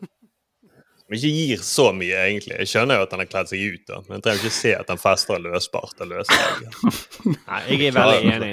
Det er veldig Ja, sjelden at sånne, sånne dramatiseringer i dokumentarer er veldig Det er én Kan jeg bare skal jeg avbryte det litt? Ja. Det er bare én gang jeg syns det var- var litt fett, og det er den Jeg tror den heter Shogun, som går på Netflix, hvor de, som handler om borgerkrigene i Japan på 1500-tallet. Ja. 1100-tallet eller noe sånt. For det, det er så blodig. Da får du liksom virkelig følelsen av Og de japanske, så det, jeg vet ikke hvor dårlige skuespillere de egentlig er. Men det er ganske fete sånne her halshugingsscener. og Ja, Ja. Sant? Jo, men jeg er med på det, for da vet du iallfall Da eh, Ja, det er lettere Det er vanskeligere for meg å tenke hvordan var det i Japan på samurai-tiden. Mm. Um, hvordan er, tar en skuespiller på seg løsskjegg. Jeg klarer det en eller annen gang. Det har noe med at vi har opplevd karnevaltid og så videre. Så vet jeg det. Er det ene som er med den. Hæ? Ja, karnevaltiden, når vi vokste opp. Karnevaltiden. Det var alle kledde seg som hunder, men det var løsskjegg. Thomas, Thomas, hold det der håret mitt ute av your fucking mouth. Nå er jeg glad vi sitter hver for oss her, så er det Ja. murt meg rett ned nå. Ja, Helvete, har smekke til deg. Og så er det den andre greien med denne serien, uh, er den fortellerstemmen. Så det skal jo være skummelt på en måte, men den ga meg sånne assosiasjoner til Det var et gang et menneske. Ja. Det var veldig barnlig med den fortellerstemmen. Og språket når han også forteller. Jeg skal komme tilbake til litt grann om ikke lenge. Og så er det intervjuene med hovedpersonen sjøl. De er ganske fascinerende, for det virker ikke som han personen her, Martin Pedersen, angrer så veldig mye. Og så virker det egentlig som han er en litt fiktiv karakter. Og avisene var jo stappfulle av det. Skjems sparebanker anet. Det ble dagen noen debattprogrammer og noe sånt. Og så var det altså lille meg. Det var meg som var lærerskolestudent oppe på lærerskolen. Det var en merkelig følelse, altså. Barn, og sånn er det han forteller. Han er jævla giret på alt han har gjort. Det høres ut som en veldig dårlig skuespiller, egentlig. Ja, han gjør det. Han høres ut som Jeg tenkte, Er det en karakter? Altså, Er det noen som spi spiller eh, også denne personen? Liksom, Jeg jeg, leser, leser replikkene sine og jeg glemmer de litt, men så fa- sånn, finner på litt, en liten vri som ikke er helt i Ja. Jeg husker, vi Som regissør som bare blir så irritert. Bare si det sånn som det er skrevet. jeg husker vi fant, uh, fant en sånn der uh, sånn CD som var sånn, uh, sånn anti-narkotika-CD som het 'Fra hasj til helvete'. Det hørtes ut som han fortellerstemmen. Ja, han fortalte sin historie. Sånn der, ja, så skulle jeg prøve litt, og så ble det mer. Og så, og så, sånn der der, sto, var- der sto lille jeg. En lærerstudent. Hva? Nei, hasj i munnen. Nå? Hasj. Jo, men det er det. Det høres ut som det er litt sånn Mm. Jo, men det er litt sånn eh, en Øyvind Blunk med spanske flue eller noe sånt. Ja, det var twist. Hvis det ble, han tok på seg først løsbart, og så ble han Fridtjof. Det var sånn Fridtjof ble skapt. Jo, jeg tror det kunne vært det. Ja, Det som er viktig, er at det første raneren gjør, da, raner en liten sparebank. Uh, og så på, dette på 70-tallet, så for at det skal være nok penger i den lille sparebanken, så ringer han inn som en gammel mann til denne sparebanken, så sier at han har vunnet 250 000 i pengelotteriet. Og så spør han om banken kan bestille de pengene, så han kan komme og ta de ut. Og da er det åpenbart at den sparebanken på Sem da, den har, den har ikke så mye kontanter. Så da må den ringe til Norges Bank og si vi har en i nabolaget som har vunnet 250 000. Og dere sender de til oss. Så når de har gjort det, så kan han gå og rane det. Men det er jo det også et barn, det et barn ville gjort. Det er det et barn ville gjort. Ja, han, han ville gjort det. Mm, Jeg blir eh, inspirert, jeg. Det, det, det er ille, det. Jeg blir inspirert. Ja, det er liksom sånn Sykt at det, går, at det gikk, da. Ja, det, altså, det, så det, det er ikke sånn at jeg hatet det. For det, det er fascinerende å høre han her personen som høres ut som en skuespiller, og alt det rare tingene han har funnet på. Og litt hvordan det var på 70-tallet. At du kunne ringe til banken og si ja, OK, 250 000. Som var nok tilsvarende noen millioner nå. Mm. OK, vi bare bestiller det. For du, har jo, du høres ut som en gammel mann, og du sier at du har vunnet i pengelotteriet. Så bare bestiller vi de pengene. Så det er litt sånn Men det er liksom summen av alle de her tingene som gjør at det er mye rare ting som tenker OK, det er fire episoder. Jeg har sett to. Jeg tror ikke jeg orker å se alt sammen. Selv om de skaperne er jævla stolt av det. De prøver å selge inn til Discovery. Og han her, eh, Martin Pedersen, han sier jo hele tiden at han er en eh, lærerstudent. Og det er det han omtaler seg sjøl. Men når de skal promotere seriene i Discovery, så de, skriver de at rikmannsgutten som skulle bli skuespiller, men som endte opp med å bli Norges største bankraner. Jeg kunne ikke skrevet at han skulle bli lærer, men så ja, ble han bankraner, da. Men nå tilbake til fortellerstemmen. For Dette er en ganske smal referanse, men vi skal se om dere klarer å ta den. Og Hvis du hører hun forteller stemmen, og hvis, no, hvis dere hører virkelig etter hva hun sier, så høres det ikke ut som hun snakker om en bankraner. Det høres ut som hun snakker om en mer sånn stusslig podkastskaper som har laget et slags Man kan kalle det sånn lydstudio. Du kan holde deg selv. Dine nærmeste også. Til og med presse, politikorps og rettsvesen. Spørsmålet er hva det gjør med deg. Hvem blir du mens du driver dobbeltspillet? Når ødelegger du familien? Når trår du over enda en grense? Og når ødelegger du deg selv? For du vet du blir tatt innerst inne. Sånn er hverdagen i Teige lydstudio. Dessverre. Ja, Jeg skjønte hva jeg hadde under stemmen! Det er det samme som var i din Katrin! podkast. Katrin Gram som Ja. har en veldig bra radiostemme, men hun har Ja. jo ødelagt den med å være med i så mye gøy tull. At eh, Man kan, kan ikke ta det seriøst. Eh, en dokumentarserie om en eh, bankraner. Når man har hørt hun på De få som har hørt det, kanskje ikke så mange som har hørt det på Teige Lydstudio, da, men Ja, Hun var jo en eh, åh, fantastisk dame. Fantastisk fortellerstemme i Teige lydstudio. Jeg Ja, klarer ikke ta, hadde jeg sett denne her nå og hørt henne, så hadde jeg ikke klart å ta denne eh, Nei, men jeg skjønte. Jeg skjønte ikke hvem det var først. Så bare tenkte, er det det? Jeg trodde jo først det var et eller annet à la de her Det var et ganget menneske. Alt høres så tullete ut. Men det, det var litt sånn Det er litt sånn som han her eh, Mathisen. Eh, han, han som er med Herodes Falsk og Tom Mathisen, ja.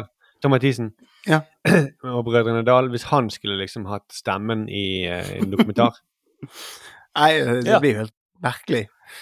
Ja, det blir det. Men, eh, men eh, det vi sier, har jeg ødelagt Katrin Gran sin eh, kar karriere, er det vi sier her nå. Nei, hun, hun har gjort mye annet humor òg. Ja, da, hun, Hallo har, i jo det. hun er uken, ja. ja, ja, stemmer det. Stemmer det. Hun er, nei, hun det er ikke jeg som gjør det. Mm. Og det er jo Hun bra stemme, hun, men det høres helt. Med de der løspartene og sånne ting, og så at hun driver og forteller hele tiden. Hun var sikkert sånn- forvirret Hun var sikkert forvirret og trodde hun skulle gjøre en humorserie. Og... Ja, men jeg kan godt skjønne at hun gjorde Mm. det. Så Jeg- jeg, Jeg, jeg så jo Hotshots før jeg så Platoon. Mm. ja. ja, det er gøy. Men det ødela jo veldig for meg. Ja, selvfølgelig. Jo, men jeg skjønner det, da. Jeg klarer ikke ja, det... han det- seriøst. Han eh, Hva heter han? igjen? Charlie Sheen. Charlie Sheen. Ja. Mm. Og Ja, iallfall eh, hvis man har sett de siste Two and a Half Men, og så går det bra. Platoon. Men han, han spiller i Platoon. Nå ble jeg plutselig jækla usikker. Er det han? Ja, ja, ja. Ja, nei, det var, Ja. iallfall det, Skulle, Gjennombruddsfilm, fordi faren hans, uh, uh, Michael Sheen, var jo i um, Apocalypse Now. ja. Han, Martin Sheen. Uh, Martin Sheen, sorry. ja. Mm. Det er så mange Sheens. Uh, nei, og så vil jeg liksom ha en slags omasj til det der han der Oliver Stone han lagde Platoon. Så han fikk se OK! Mm, Det er så kult. For det, jeg husket ikke det, men han, han er jo i Hotshots. ja. Ja. Han er forvirret, litt sånn eh, forstyrret type som ikke helt visste om han ville være seriøs eller morsom. Nei, ja. Gjennom, mm. Det er jo han veldig sånn- er veldig god i Wall Street også. Og Men, Young uh, Guns. ja. Mm. Altså, Ja, men, men, pro- problemet mitt er at han ser ut som han liksom hele tiden undertrykker et smil, uansett. Ja. At han liksom egentlig hele tiden holder på å le seg i hjel. At han, Ja. hele verden, livet er så jævlig vittig. Det tror jeg på en måte er sant, da. Mm. Det Så jævlig det, Nei. Det var, okay. det var hyggelig å høre Katrine igjen, og det må jeg bare si. Ja, Det så jeg kan konkludere da med at så lenge vi ser om Hvis Thomas begynner å gå med løsskjegg og løsbart og sånne ting, ja. andre sånne ting, så kan vi være bekymret for at han skal rane bank. Men Da kommer bekymringsmeldingen inn. Ja. Eller bekymringsrynken. Jo, det var det jeg skulle si også. En ting til. For det glemte jeg. Derfor det var så jævla ko-ko. Fordi at det blir mer og mer drømmeaktivt. For de driver og intervjuer folk som eh, i omgangskretsen til Martin Pedersen. Så plutselig så dukker Blomsterfinn opp og fordømmer ranet. Og sier at uansett hva du gjør, så kan du ikke rane. Og så blir det Når det blir etterfulgt av hun der eh, Katrin Gram sin stemme, så Dette er jo en humorserie. Du kan jo ikke si at dette er seriøst. Ja, Nei, men- det, det, jeg, jeg tror det er egentlig en humorserie. Men jeg har ikke skjønt det. Men altså hvorfor, ja, Hvorfor, hvorfor er Blomsterfinn der? Nei, jeg tror han kjente han i oppveksten. og sånne ting. Men det var plutselig så bare kom han i skjermen og sier kan ikke så- rane bank uansett hva som har skjedd før. Det går ikke an! Det er så dårlig valg. De, sorry, de som har lagd det, men det er så, jeg vet det frister. Sånn, 'Å, han kjente Blomsterfinn! Vi har Blomsterfinn! Han kan være med i dokumentarserien!' Og du ikke skjønner at det tar vekk At det liksom kanskje bare popper Blomsterfinn inn i en sånn seriøs serie om bankranere. Det mister jo all kredibilitet. Ja, ja, altså, men han har sikkert ligget med Blomsterfinn eller sånt en gang, da. Og så har Ja. han liksom Å ja, vi kan bruke, da kan vi ta Blomsterfinn med. Eller Men han altså, selv. Ut som en, en svensk kvinnelig bartender. men, men har du faktasjekket dette, Sturle, at ikke er en humorserie? Jo, jeg googlet det. Det er, det er sant. Eller det Ikke om det er en humorserie de laget det for tull, da. Men det var en Martin Pedersen fra Tønsberg. Han lever jo fortsatt nå, som da ranet. Ja, men Altså, for det, det, det kunne vært en jævlig Altså en, At det var litt uh, avansert, da, for å si det sånn. Ja, det men jeg, jeg- jeg, helt ærlig, jeg vet egentlig ikke nå. Nå ble jeg usikker. Jeg kan godt være det bare satt tull. Thomas, eh, hva har du sett på denne TV-uken? Eh, du, jeg har eh, to ting jeg vil nevne. Jeg, eh, det nærmer jo seg påske. Det skal være kort på den første. Så jeg tenkte jeg skal se, jeg har lyst til å se noe krim. Noen klassisk britisk krim. Jeg har jo vært litt sånn der, På grunn av tiden vi lever i, så er jo jeg litt sånn sart for alt som er liksom mørkt og dystert og for komplisert. Så jeg tenkte sånn Jeg vet hva, jeg ser en sånn Vera, klassisk. Det var på Discovery Plus, og det kom noen nye episoder. Jeg- og det er jo ganske Det er jo velprodusert og veldig god krim. Det er britisk, det er oppe i Nord-England, flott location, får alltid lyst til å reise dit. Eh, men det var altså så jævlig mørke episode. Jeg så at eh, det var bare sånn at det ene drapet utløste den andre elendigheten. Det var misbruk av barn. og det var bare sånn der, Jeg skulle se koselig britisk krim med litt sånn enkelt, fint plott. Ender opp med å se det mest dystre jeg har sett på lenge. Så etter Men, det men, men, Ja, men, men, men øh, hadde ikke du en, øh, et forslag om at vi skulle ha en øh, spesialepisode om påskekrim? Jo, det vil jeg ha, jeg kommer til å lide meg fryktelig gjennom det. Jeg har lyst til at vi skal gjøre det. Det, det mener jeg. Ja. Det var gøy. Men Ja. uansett, da. Det var kanskje Kan vi bare klippe ut dette her, da? Ja, for dette er ikke påskekrimmen. De, når de blir annonsert, så må jo vi, så må vi være på linje. ja, det var, bare, vanlig krim. ja. Du bare varmer opp. Jeg varmer opp, for det, det, sesongen nærmer seg, så tenkte jeg skulle myke meg opp og komme i gang og komme i modus. Eh, Nei, nei, nei. nei. Ja, det var en sånn snart påskekrim. Snart Mm. påske. Ja, for dette var ikke, det er ikke en sånn som Ja, det er en Jeg varmer opp. Men Ja. jeg har fått mange tips, eh, og eh, var jo veldig nysgjerrig på den nye serien til Discovery.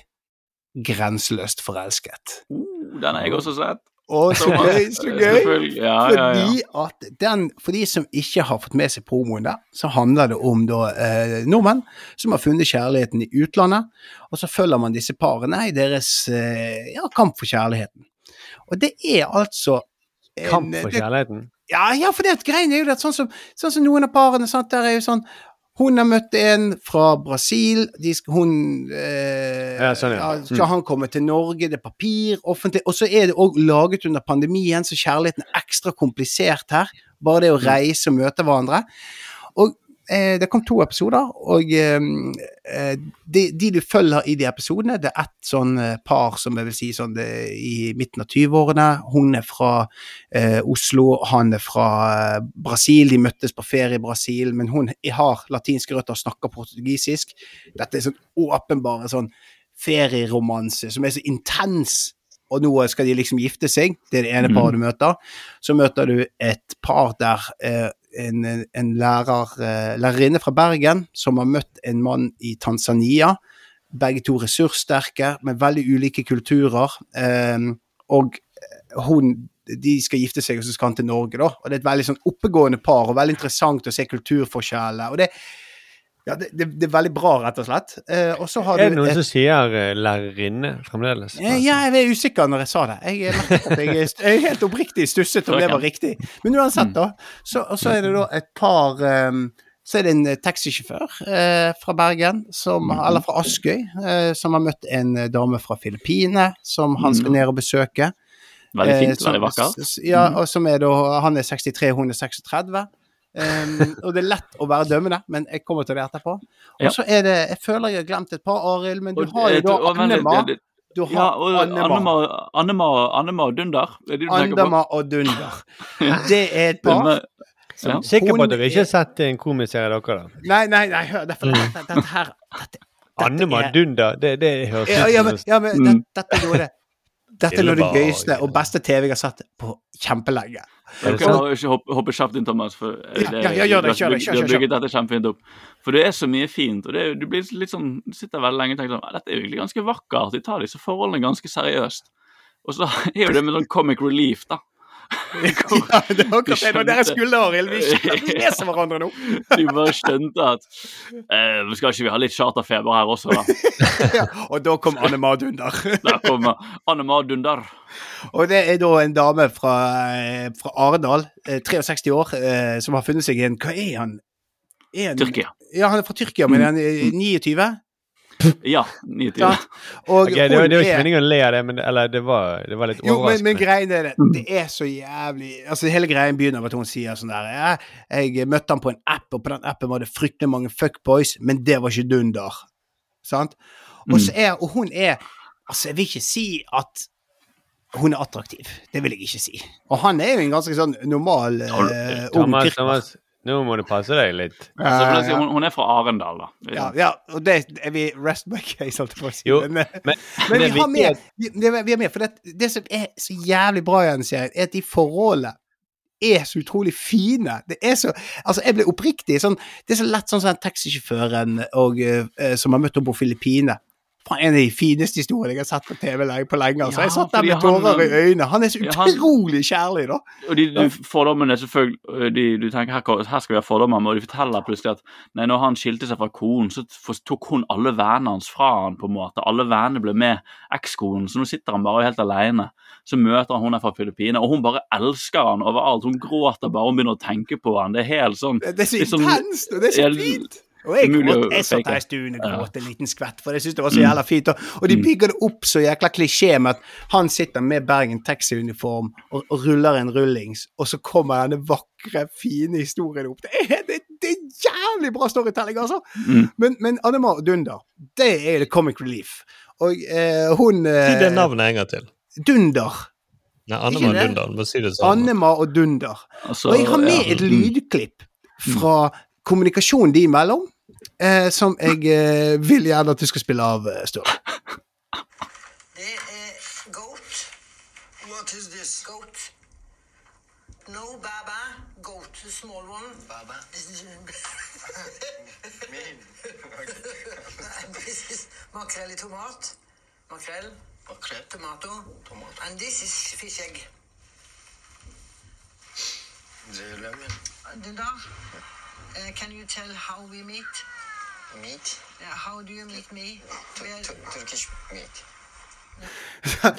Så her er jo all Dette var fra frokostbordet, og eh, all kommunikasjon er jo 'god dag, mann, økseskaft' av en annen verden. Og han, sier, og han er jo tekstet, han som er tyrkisk og er tekstet, han sier sånn 'Kommunikasjonen når vi er sammen, er veldig klein'. Han sier det, og så klipper de til hun bare 'Ja, makrell i tomat'. Goat, bæ, bæ, lam, lam. eh, Og det er bare så Hun, det for greien da er at altså Dunder han kan jo ikke kvekke engelsk. Han kan jo ikke snakke norsk. Uh, vi, uh, han forstår ingenting jeg sier. Uh, men det er, dette er ekte kjærlighet, og vi skal gifte oss. Og nå skal han flytte hit, og han skal hjelpe meg på neglesalongen min og assistenten min da, på neglesalongen min. Og dette er mm, Annema får det som hun vil, altså. Dette, Det mm. helt Og så så hun sier er sånn at nei, når han kommer til Norge, så, skal, så er det viktig at han får jobb. Sysselsetting er viktig. Og så er det sånn og hun skal ha han som assistent i neglesalongen sin, som er i stuen hennes. Det er sånn, Han skal lære seg å vaske, han skal lære seg å rydde, han skal lære seg det ene og det andre. Og det er så absurd, for du ser han lever livet sitt i Tyrkia, og han har sånne vakre unge venner. Og de driver og facetimer med Annemar. Som bare 'Hallo, nå er jeg på vei nedover til Tyrkia. I Can't wait to see you.' Og de bare 'Hello, Annemar'. Og du hele tiden når du ser, du skjønner ikke hva dette forholdet er. For alt annet er så oppriktig og så ærlig og så fint. Og de sier jo dette er ekte kjærlighet, folk forstår det bare ikke. Jeg får så mye nedlatende kommentarer, og du sitter som sier bare sånn 'Har ikke lyst til å være forhåndsstemmende. Har ikke lyst. Men hvordan kan dere ha et forhold? Ingenting fungerer. Og så, og, så, og så driver hun sånn og snikskryter med sånn eh, Hun forteller om vennene hennes er så dømmende, men det er egentlig litt sånn snikskryt. De, Mm. de spør meg eh, hvordan han er i senga. Er han vill i senga? Og så har hun så lite blikk i kamera. Sånn der. Og jeg syns det er helt forkastelig at de spør meg hva skal jeg si da? Og så har hun sånn blikk i Mm. kamera. Sånn der. Ja, fordi han er, og, og fordi han er så ung, ikke sant. Altså, jeg har fått den unge, kjekke mannen. Ja. er. Svigermoren min er tre år yngre enn meg. så det er så jævlig sykt, denne historien der. Og så, meg og Selina, altså min kone, vi begynte å diskutere litt. Hva i alle dager er dette her? Hvorfor? Og han, og det som også var morsomt, det er jo det at er senere han sitter med vennene sine, så skal han liksom Så viser han bare bilder av Norge. Han viser ikke bilder av Anima. Å, nordlys. Å, Ja, det er så jævla suspekt. Det første shot av han sitter i Tyrkia med de vakre vennene sine, og så sier han sånn Oh, it's beautiful in Norway. So great. And Yeah. I'm gonna love it there. Og så, ja, Anima er med sånn ballast. Men altså, det der er jo sånn eh, Det det er ting jeg har tenkt på mye. Eh, fordi hva er grunnen til at folk blir forelsket i hverandre? Det er jo eh, Status er jo en grunn til at mange menn får seg kjæreste. Og man Mm. blir jo forelsket Det er jo en del av den personen. Det er jo status å komme fra Norge. Eh, i, Mm. Hvis du drar til Filippinene, da. Eller til Ja. Tyrkia kanskje tydeligvis også. eh, så, så man kan liksom ikke Det er en del av pakken.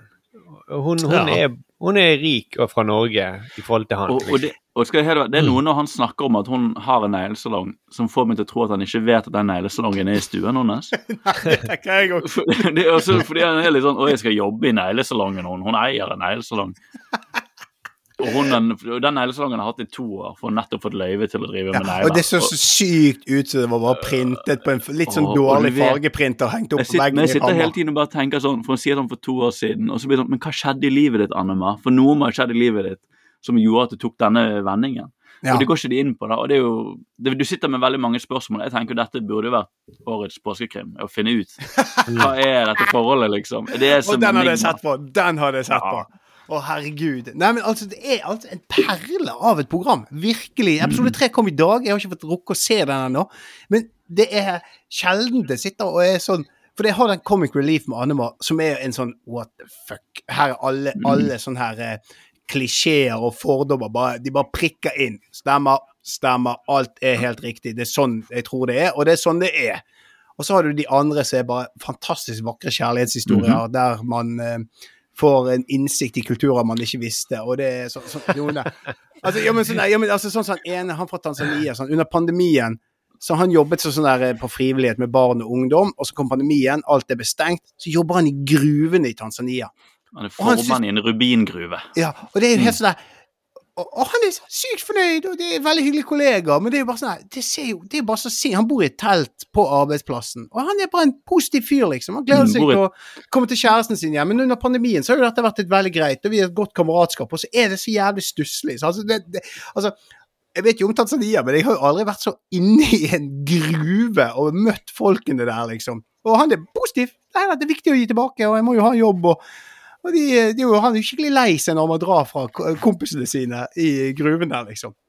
Men det, det er det, det virkelig det, det, virkelig Altså, det her er, det er dritbra. Jeg håper det holder seg like bra. Det finnes jo det finnes jo også mange Dette er jo også en sjanger, da, fant jeg fort ut. Altså den, akkurat den folk som blir sammen med noen fra andre land. Eh, Du har sånn 30 Day Fiancé, 60 Day Ja, ja, ja. Fiancé, og så en svensk serie som vi tok kjapt på. Som jeg tror bare hadde et veldig anonymt navn, sånn Kjærlighet eller ikke. Som var litt mer juicy, da. Det var litt mer på gang. Det var også på Discovery. De, det kommer med en gang som et tips når du har sett ferdig dette.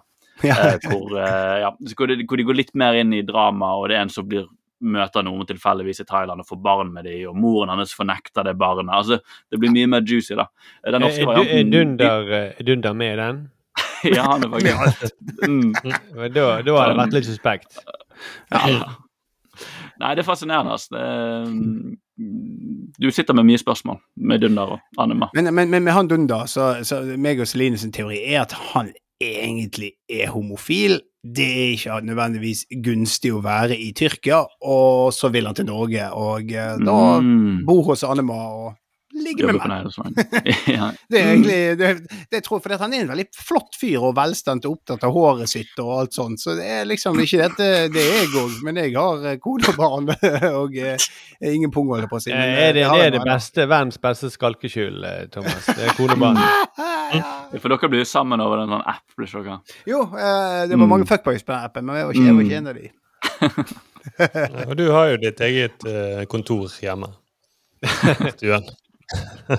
Eller på loftet. Celine gjør jo regnskapet mitt. Det er jo Nei, men eh, en, eh, altså, eh, den her serien som heter eh, Hva var den het igjen, Arild? Nå gikk det plutselig. Grenseløs kjærlighet. Grenseløs kjærlighet er verdt en titt. En Ja. god Discovery. TV-opplevelse. Discovery På Plus. Discovery. Mm. Du får litt whiplash av hva serien egentlig vil, om det skal hylle kjærlighet eller om det skal forvirre deg, men det er Vi gjør begge deler, og det er gøy. Mm, mm. Ja. Jeg har sett noe helt annerledes Eh, på Netflix. Det er eh, Fran Libovic, eh, 'Pretend It's a City'. Mm. Hva?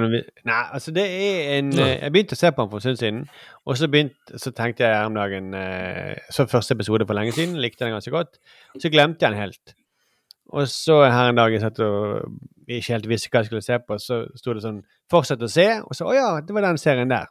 Så så jeg et par episoder til og ble ganske eh, Jeg ble jo litt betatt, da. Det er jo en dokumentarserie av eh, Martin Scorsese. Eh, og som følger eh, en dame som heter Fran Libovic. Og hun er et underlig fenomen. Hun er en sur, gammel lesbisk eh, dame. Eh, en slags blanding av Egon Hodstad og Georg Johannessen, eh, for de som tar den eh, referansen. Eh, opprinnelig så er hun hun bare forfatter. På 70-tallet så skrev hun et par bøker. og Jobba litt som skribent i ulike tidsskrifter. Men det hun stort sett gjør, hun turnerer med et sceneshow som er utrolig populært. Eh, og hva er så dette showet? Det er, det er bare en samtale med hun. Det er en intervjuer, en som intervjuer henne om alt mulig. Bare spør henne om hva som helst. Og så er det publikum som stiller henne spørsmål om alt mulig. Og hun fyrer tilbake sånn one-liner i ett sett. Og jeg har gjort en del research eh, etter å ha sett dette, for ingenting av dette er forberedt. Hun vil ikke ha spørsmålene på forhånd. Hun vil ikke vite noe om tema, men likevel så kommer det sånne perfekt helstøpte eh, one-linere. Kanskje ikke det beste eksempelet, men eh, her er et lite eh, klipp hvor hun snakker om eh, ny teknologi. People say, and now you don't know about these things. You know, but it isn't true because people are constantly telling me about these things. so I know about these things, or I know as much as I want to. I know more than I want to. It's like, to me, it's like the Kardashians. Yeah, no, I know. You know, like I've never seen the Kardashians, but I know about the We- Kardashians. we know about them, yeah. Okay, and Yeah, that's the way I feel it. about the internet. Yeah. Which I know, in some way, is connected to the Kardashians.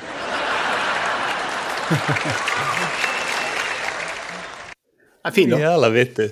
Ja, altså, hun er en veldig kul dame, da. Sånn, eh, det det er ett, jeg må vise et klipp til når hun snakker om Hun vet, det kommer jo, det Spørsmålene som kommer, det er jo, handler om alt og ingenting. liksom, Hvem blir den neste presidenten? og eh, de, og, som er som, de behandler henne som en slags, sånn, slags blanding av standup-komiker og orakel.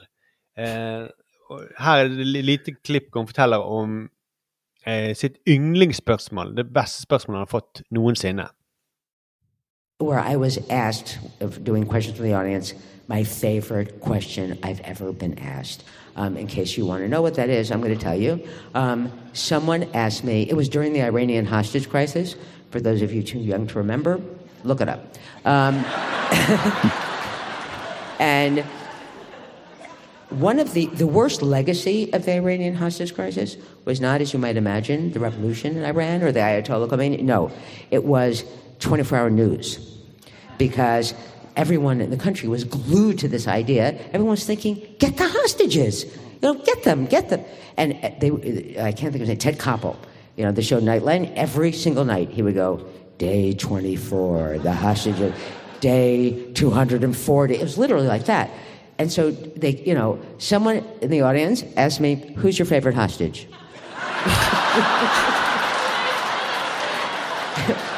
because they were like the Kardashians. We, you know, we, knew everything about them. Um, every they would show you their families, and I said, I don't have a favorite hostage, but I have a least favorite hostage wife.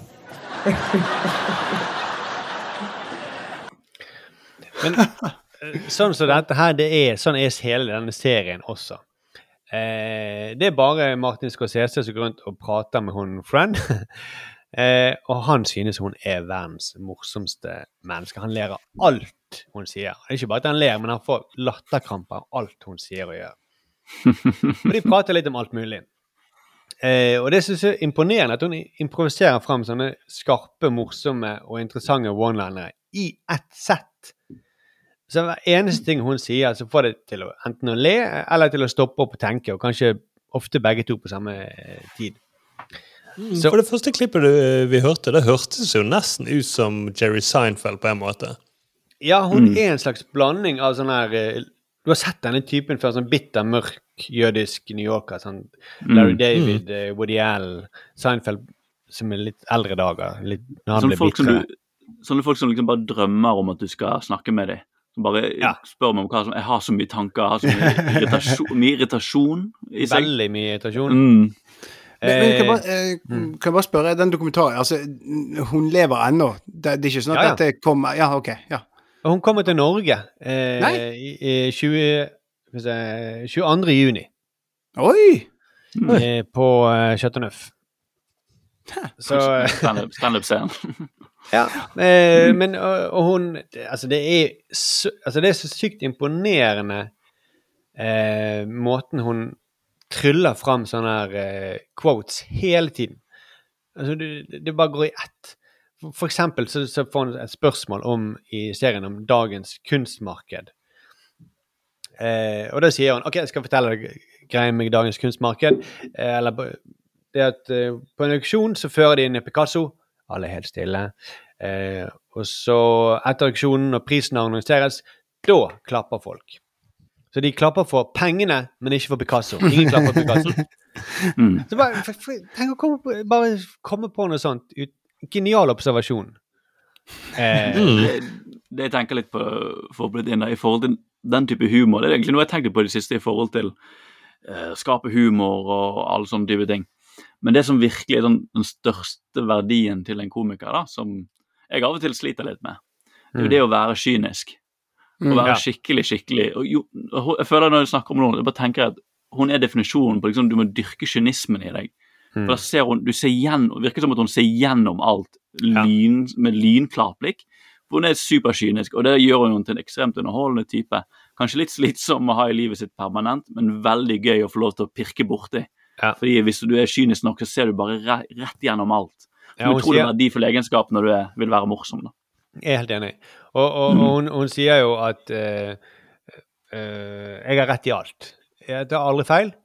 Uh, men jeg har tatt feil én gang i mitt liv, og det var at Donald Trump ble president. For hun gikk rundt og sa at nei, selvfølgelig han kommer ikke til å bli president. Ta det med, ro- ta det med ro. Så, så han, den ene gangen skulle, skulle ta feil, det var altså gigantiske proporsjoner. At, eh, så han var veldig flau over det, da. Eh, men man blir jo imponert, ikke fordi hun er verdens klokeste, men det er fordi hun, måten hun formulerer seg på. Formulerer disse poengene på. De er så, det er så elegant. Eh, jeg har jo skrevet en bok en gang om komedie, og da skrev jeg at eh, eh, ha, det er halvveis til ha-ha. Det er Mm. veldig mye av det hun sier, er sånn enten at du sier ha, eller at Mm. du faktisk ler. Og det er sånn Mm. slående måte å formulere på. Slående observasjoner hele veien. Eh, forresten, hun spiller en liten rolle i Wol eh, Wolf of Wall Street. Som også er Scorsese, Ja. da. Mm. Eh, hun spiller hun eh, en sånn streng dommer i retten her.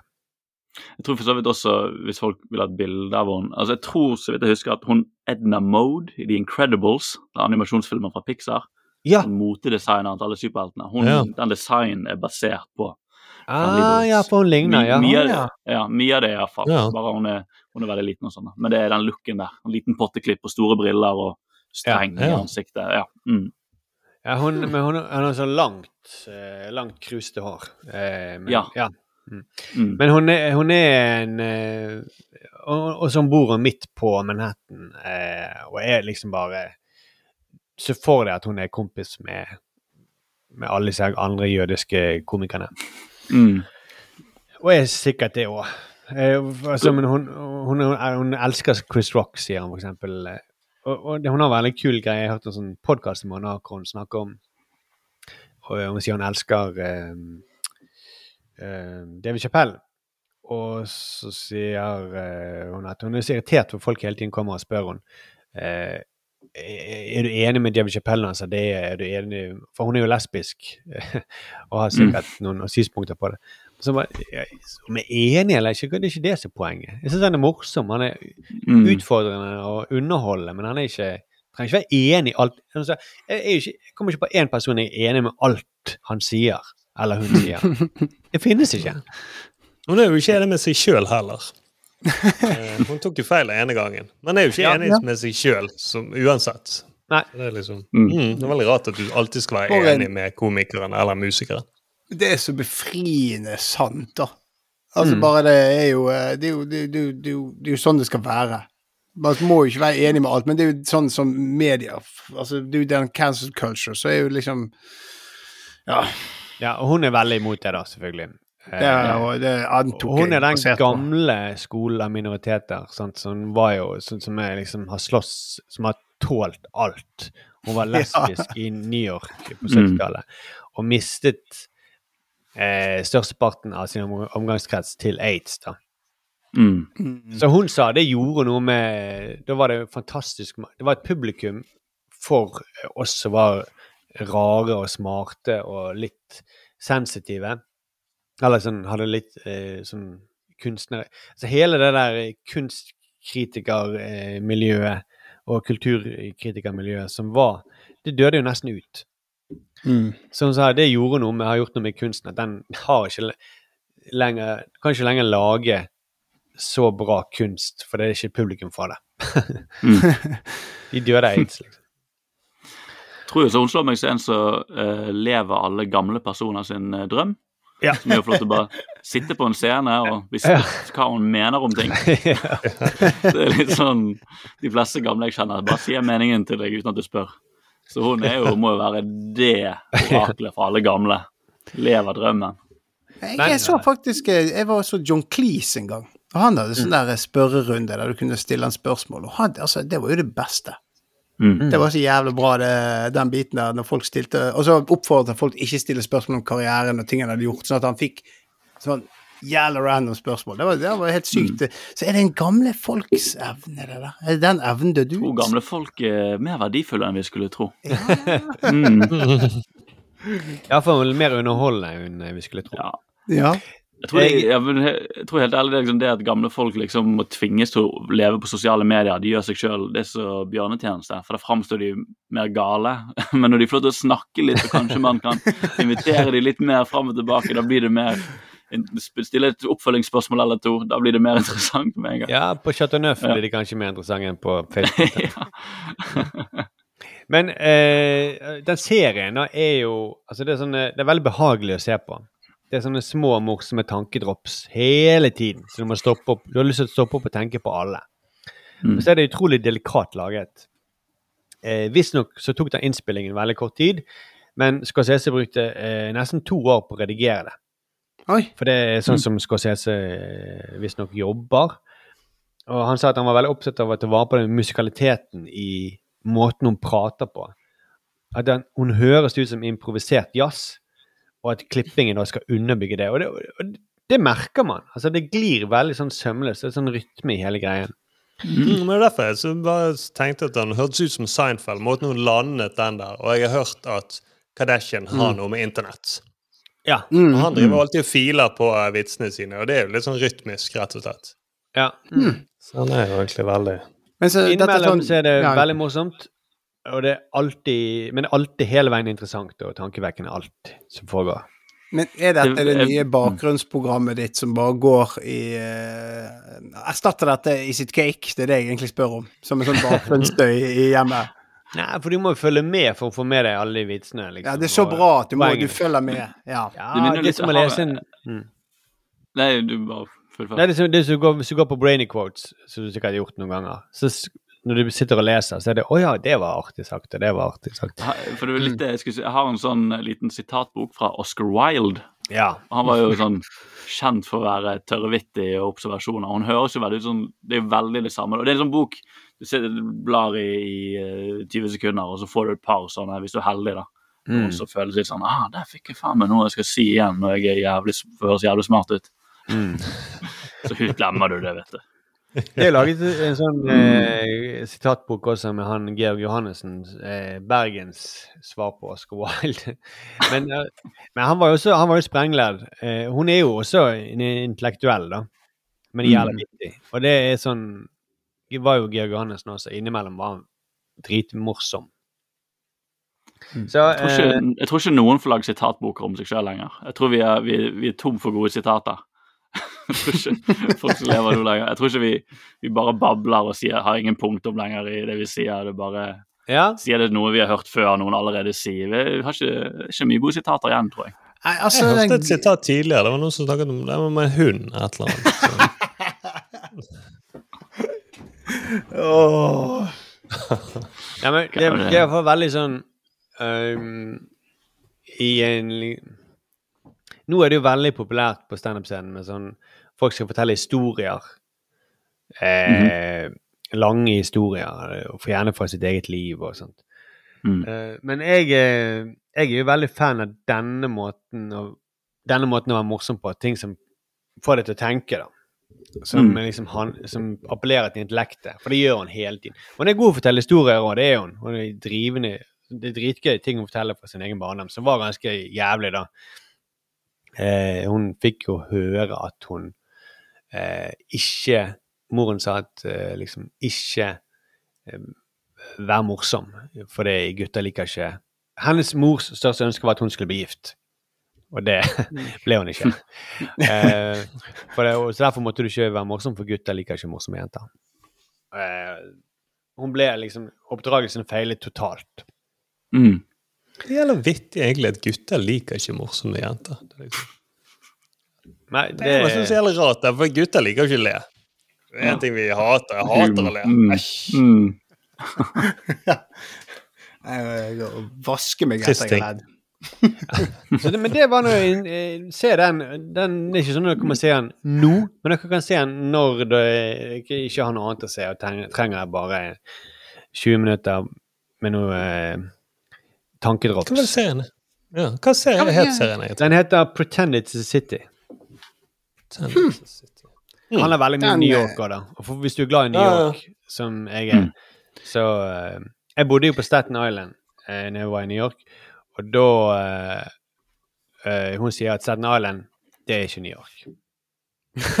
Så, så du føler deg stygt nå? Er du liksom bare fan? Jeg, Ja, hun, hun har jo rett, for det er jo liksom eh, det, det, De stemte på Trump, og de kjører bil, og de eh, Altså, det er en, en helt annen greie der borte. Men, men, men bodde du på Staten Island, eller bodde, var det der du bodde når du var i New York? Altså bare sånn for å eh, Hva- altså, har, du, har, hva har du meldt flytting til New York, liksom? Det er det jeg mener. Nei, jeg bodde der i tre måneder. Å ja, men det er ok. Såpass, ja. Ja. Så jeg fikk posten min her. Ja, ok. Men du meldte ikke flytting. Nei, nei, jo, men greiene det Mm. Det var litt eh, OK. Ja ja, bodde og bodde, men. Ja, men jeg, jeg, jeg, jeg, jeg, jeg hørte et sånt radioprogram med sånn innringerdebatt. Og det var sånn her, om det, det var snakk om å bygge moské i Oslo etter ganske lenge siden. Og da ringte folk inn med argumenter. Jeg elsket de programmene, for det var veldig åpenbart at når veldig mange av innringerne kom inn, så choket de når de først kom på luften. Men da var det da eh, denne moskeen som skulle bygges i Oslo, debatt. Så ringer Hvor det skal du nå, Thomas? Nå er jeg veldig Nei, spent. hør. For det var dette. Eh, det er Relevant. Hvilke dyr som dukker opp nå? Ok. Ja, nei, Nei, ok, så det som skjer da, så, så ringer en dame inn, og så sier hun eh, eh, Bønderop i gatene er ikke noe problem, du tenker ikke over det. Og hun kunne si det fordi hun hadde bodd i Tyrkia. Å ja, så du har bodd i Tyrkia? Ja, der er det veldig vanlig med bønnerop. Du har det to eller tre ganger for dagen, du tenker ikke over det. Det blir bare en del av bystøyen. Så spør programlederen hvor lenge bodde du i Tyrkia? To uker. Hun har bare vært på ferie. Hun har bare vært på ferie i Tyrkia. Og så går hun knallhardt ut som ekspert på radioen. Og det var det jeg bare sånn Det var Jeg har jo vært på ferie Hvorfor er dette er relevant for min Nei, historie? Nei, fordi når du sa han skulle prøve å ta deg. Nei, det var ikke Det var Du er en dame, Markus. Ring inn på radio. Det var Innrøm det. for å avklare. Det du Jeg sier, at du mener jeg er en, dame Nei, nei, som var, var- egentlig ikke var i New York, men i Tyrkia? Mm. Mm. Du vet var det bare hun to var- uker. Anne Var var, muslim? Nei, nei, det mente Markus. Nå må ikke vi ta helt av her. Det var bare det at du sa 'jeg bodde på Staten Island', men bare du Ja, sa det gjorde jeg, det Det, det, Ja, du gjorde jo det. Men det, jeg Ja, men- bodde på Manhattan. Jeg bodde på Manhattan da jeg var i New York, men jeg var på ferie, eller jeg var på jobb der i åtte dager. Det er veldig stor Ja. forskjell. Jeg ville bare ha en avklaring på begrepet bo. Så du meldte det flytting i åtte dager? Jeg meldte flytting. Mm. Nei, jeg eh, var i Jeg bodde på Manhattan når jeg var i New York i åtte dager. Jeg ville bare Det har jeg også gjort en gang. Ja. Både jeg åtte dager og vært på eh, Altså, jeg har vært på flyplassen i New York, OK? Ja. Det vil jeg bare si. Jeg er også kul. Mm. ah, okay. Men Dette det var min det, Dette var min hotell med min far i New York. Det var ingen av oss som meldte flytting. Det var ikke så fjern. Ah, faen, jeg må slutte å snakke. ringte, dere da, ringte dere inn til noen TV til radiogreier? Ja. Og så sa vi det går helt fint. Det går helt fint. Er det slåssing i gatene, eller kommer en hund, helt fint. No problem. Dere, we live here in New York. Åh. Men det var min. TV-uke. Men det var god, in god input uh, på den serien til til Markus Thomas. Det var veldig bra. Jeg Mm. skal holde kjeft. Det er litt Kanskje fordi at jeg, Ja. Det var, den nye trenden med å fortelle sånne historier her, eh, den, den fikser ikke du helt, Thomas. Men jeg tror vi, bare, vi kommer på en sånn anekdotemeter. Hvor mange liksom sånne tåler vi? Men det jeg likte, var at du, Markus, rett før For du snakket jo om det, hva type standup ja, du ikke likte så godt. Jeg liker ikke så godt sånne historier som handler om flytting, eller om han har med flytting eller ikke. Du liker mer sånn standup der det er mer vitser, da. Poenger. Ja, poenger. Relevante poenger. Relevante poenger. Det var Åh. Men Jeg skjønner nesten hvor du skulle, Thomas. ja, Nei, fuck, altså. Hvordan har din TV-uke vært, Arild? Du, Den var fin, den, Markus. jeg um, uh, Enkelt og grei her på tampen, altså. Nå skal ikke vi bli for uh, seriøst. Jeg uh, hadde en tanke som slo meg når jeg begynte å gjøre denne podkasten, at jeg er blitt litt bevisst på at jeg kanskje er litt barnslig av meg. For jeg føler ofte jeg snakker om sånn barnslige ting. Jeg hadde en rant om Batman her for to, tre, to uker siden. og liksom... Du snakket om kommet Sophie's over eh. Ja, jeg føler Ja, men for det er liksom splittet i meg. så jeg- Men jeg skjønner at jeg har en sånn barnslig side av meg som kommer fram av og til. da Du snakket om Så jeg- Sophie's eh, Choice, Arild. Ja, men det, det var litt sånn Reacher. her Ja, det var jo bare slåssing, og Sophie Choice var mer som at jeg hadde sånn prøve på skolen, følte jeg.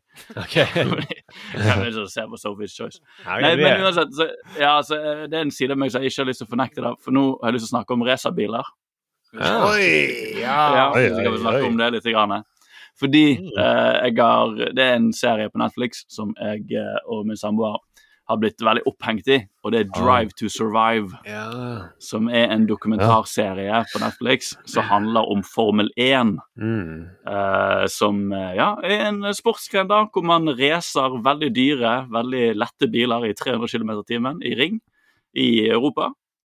Eh, og de har av en eller annen grunn klart å lage en ekstremt god dokumentarserie om denne barnslige sporten. Um, har dere fått med dere denne? På, Ja, har det vært på har- radaren? Jeg, jeg har liksom vurdert å se den, eh, -hmm. fordi så mange har snakket, snakket så varmt om den. Mhm. Eh, og jeg har liksom forsiktig foreslått det for min samboer. Men eh, vi skal ikke se den dokumentarserien om Formel 1. Og det er liksom ikke noe En hard sell, altså. Det er en dørstokkmil der, da. Som, men fordi min, jeg tenkte det samme. Vi hadde, greien var at vi hadde nettopp fått uh, barn og var helt i tåke. Jeg satt oppe med han på morgenen, og han var jo bare helt løk i, i armene mine. Og, og samboeren min sov. Uh, og da var jeg sånn Jeg bare trenger en serie. Jeg må bare ha noe på. Her har vi biler. Null stress. Jeg smekker det på. Jeg har hørt noe bra om det. Og så er jo det kjempeengasjerende med en gang. Uh, og samboeren min, når hun våkner, ser på det i ti sekunder og bare sånn Herregud, hva er dette for noe? Dette var jo kjempespennende. Hun, og, og det er fordi rett og slett de går det smarte grepet, da, som alle sportsserier og filmer gjør. De går inn i historiene til de som driver med denne sporten, og finner ut uh, hvor gal må du være for å drive og gjøre dette her. Uh, og de er veldig gode da på å, å gjøre profiler ut av alle disse stjernene som kjører eh, disse bilene. Veldig flinke til å filme. Og de er veldig flinke også til å vise alle som jobber bak med å få dette, disse bilene til å kjøre så sykt fort. Um, og det som er så gøy, så du skjønner veldig fort, er at de som kjører disse bilene, er ekstremt barnslige, de også. For de krangler så mye med hverandre, og de er så irritert på hverandre, og de er så smålige, og alle tror at de er verdens kjappeste person. Fordi selvfølgelig tror de det, de kjører i 350 km i timen, så alle har, har virkelig behov for å være verdens kjappeste. Um, og det som er fascinerende, da, som du innser med disse Formel 1-gjengen det De driver og kjører i lag. Hvert sånn team har to førere. Og Den ene føreren er liksom stjerneføreren, som skal prøve å få mest poeng og komme høyest på rangstigen. Andre skal backe de opp og kanskje sanke noen småpoeng. Men det som er så vittig, er at de på lag de hater hverandre, nesten eksklusivt.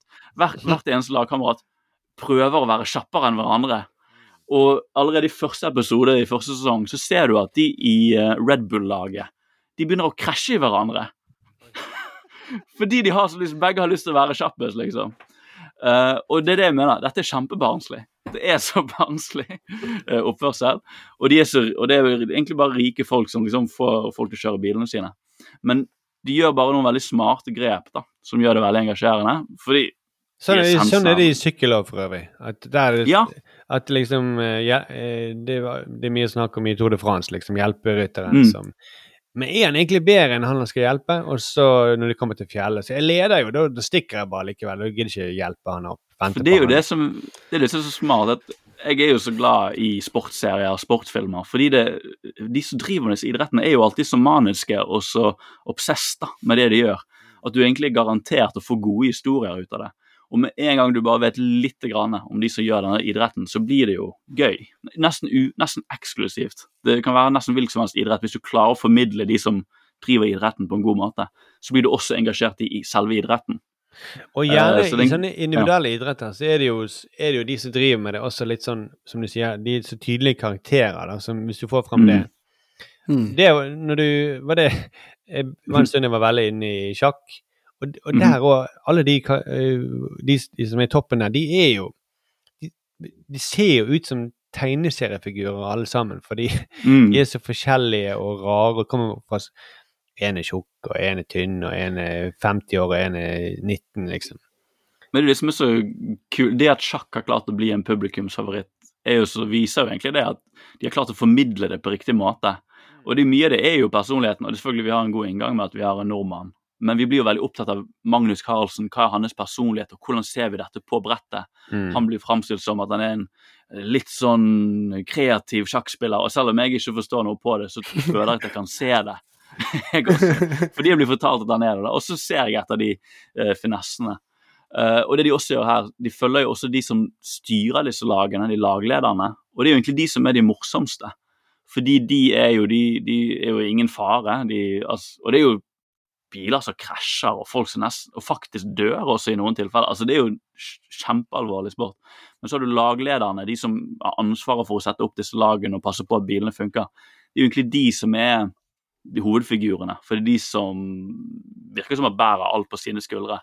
Og da gjør de karakterer, sånn som den ene øh, laglederen for Has-laget, Mm. som heter Gunther, som bare taper og taper og taper og gjør det aldri bra. But he's so positive and he's going to win. Next time I'm going to win. This is going great. Og han bare får aldri sparken av en eller annen grunn.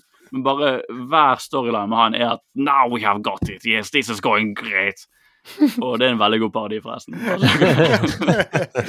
uh, men uh, Og for det de gjør, at de følger uh, hver episode følger liksom ikke sesongen kronologisk, for de skal jo følge en sesong, men de følger hvert lag sin opplevelse i den Ah. sesongen. Så du går veldig i dybden på hvert lag. Du er veldig smart, da blir du veldig kjent med alle sammen, eh, og de barnslige personlighetene. Så det er egentlig bare jeg har ikke egentlig så mye mer å si, for sagt, det er veldig barnslig, de bare kjører ring. Men det jeg kom begynte å tenke på, var jo det med sportsserier. Så jeg hadde en kjapp liten liste over film og serier på Netflix som bare er veldig bra, som sportsserier. Eh, bare fordi, for, Som egentlig får litt fram det poenget med at alt kan være spennende hvis du bare klarer å lage noe bra ut av det. Så jeg har lyst til å gå kjapt gjennom den listen. Mm. Um, Så du har sett? sikkert sett. Er, Er det, er det, er det rangert etter ditt pre, din Ikke, pre- ikke rangert. Jeg kan rangere det, men det er rangeringslister er liksom pointless. Ja, okay, jeg, ja. alt, alt dette er bra, da, for å si det sånn. Alt, Ja. alt er bra. Opplagte er jo Last Dance på Netflix, Ja, ja. som kom ut i, for to sommer siden. For, har du sett den, Thomas? Du så litt forvirret ut. Nei, nei, nei, gi meg uh, Ja. eh, Fortell, Det handler om uh, Michael Jordan. Uh, Å, ja, ja, ja, ja, ja, eh, herregud, ja, NBA, som kom ut for to sommer siden. Ja, stemmer det, ja. Akkurat når pandemien traff, og vi trengte noe å se på, så kommer denne serien om basketverden og en av de mest ikoniske spillerne noensinne. Det var den Eh, eh, og uh, Tiger King, føler jeg. ja. Det var det som ja. Mm.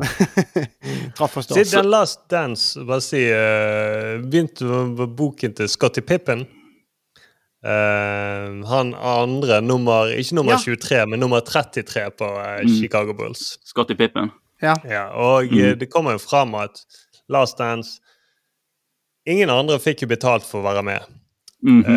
uh, Mark Jordan fikk 10 millioner, tror jeg, for å være med. Ah. Og han Mm. også hadde final cut på alt. Så det er veldig mange av lagspillerne i Chicago Bulls kjenner ikke seg ikke igjen i dette. Og de klipper også Det, det er en fet dokumentar, men de klipper Mm. også til kampene, sånn at det ser ut som det er Michael Jordan som annet snur den ene kampen. Men det de har tatt Ah. ut, er at han har vært ute i åtte minutter, og det, laget har klart å snu kampen. Og så kommer han inn Mm. helt på slutten, og så skårer han, da. Men Det er veldig mye salg. Og det at Scotty Pippen nå blir også fremstilt som ganske skurkete. fordi det var en greie om at han hadde egentlig lyst til å få bedre betalt, for han var jo også en utrolig viktig og god spiller. Men i dokumentarserien virker det som at han har lyst til å ødelegge alt for hele laget fordi han har lyst på mer penger. Fordi han, ikke, fordi han hadde blitt fanget i en kjip kontrakt for å brødfø familien sin. Mm. Så blir han litt sånn Burde ikke jeg få bedre betalt? Så ja, den er jo veldig bra lagd. Du blir Den er ekstremt kul, glad da. Ja, ja. Utrolig kul. Og den er satt litt sånn standard. Det skjer jo det i NBA nå. Er, det, er jo litt denne Last Dance-modellen har kommet at folk, ikoner og stjerner i NBA, har veldig lyst på den serien, de også. Mm. For alle har Mm. lyst til å få den her Michael Jordan-serien. Um, som er en veldig god hvis du noen gang, Du må ikke være interessert i basketball bare for å ta til deg hvor sykt fascinerende Michael Jordan var. da, Fra sånn Nei. ikon til litt skurk til bare en av de beste gjennom tidene. Ja. Um, veldig bra. Og så en annen, Cheer. Har dere sett den? Nei. Nei, du Nei. Det handler om cheerleadere.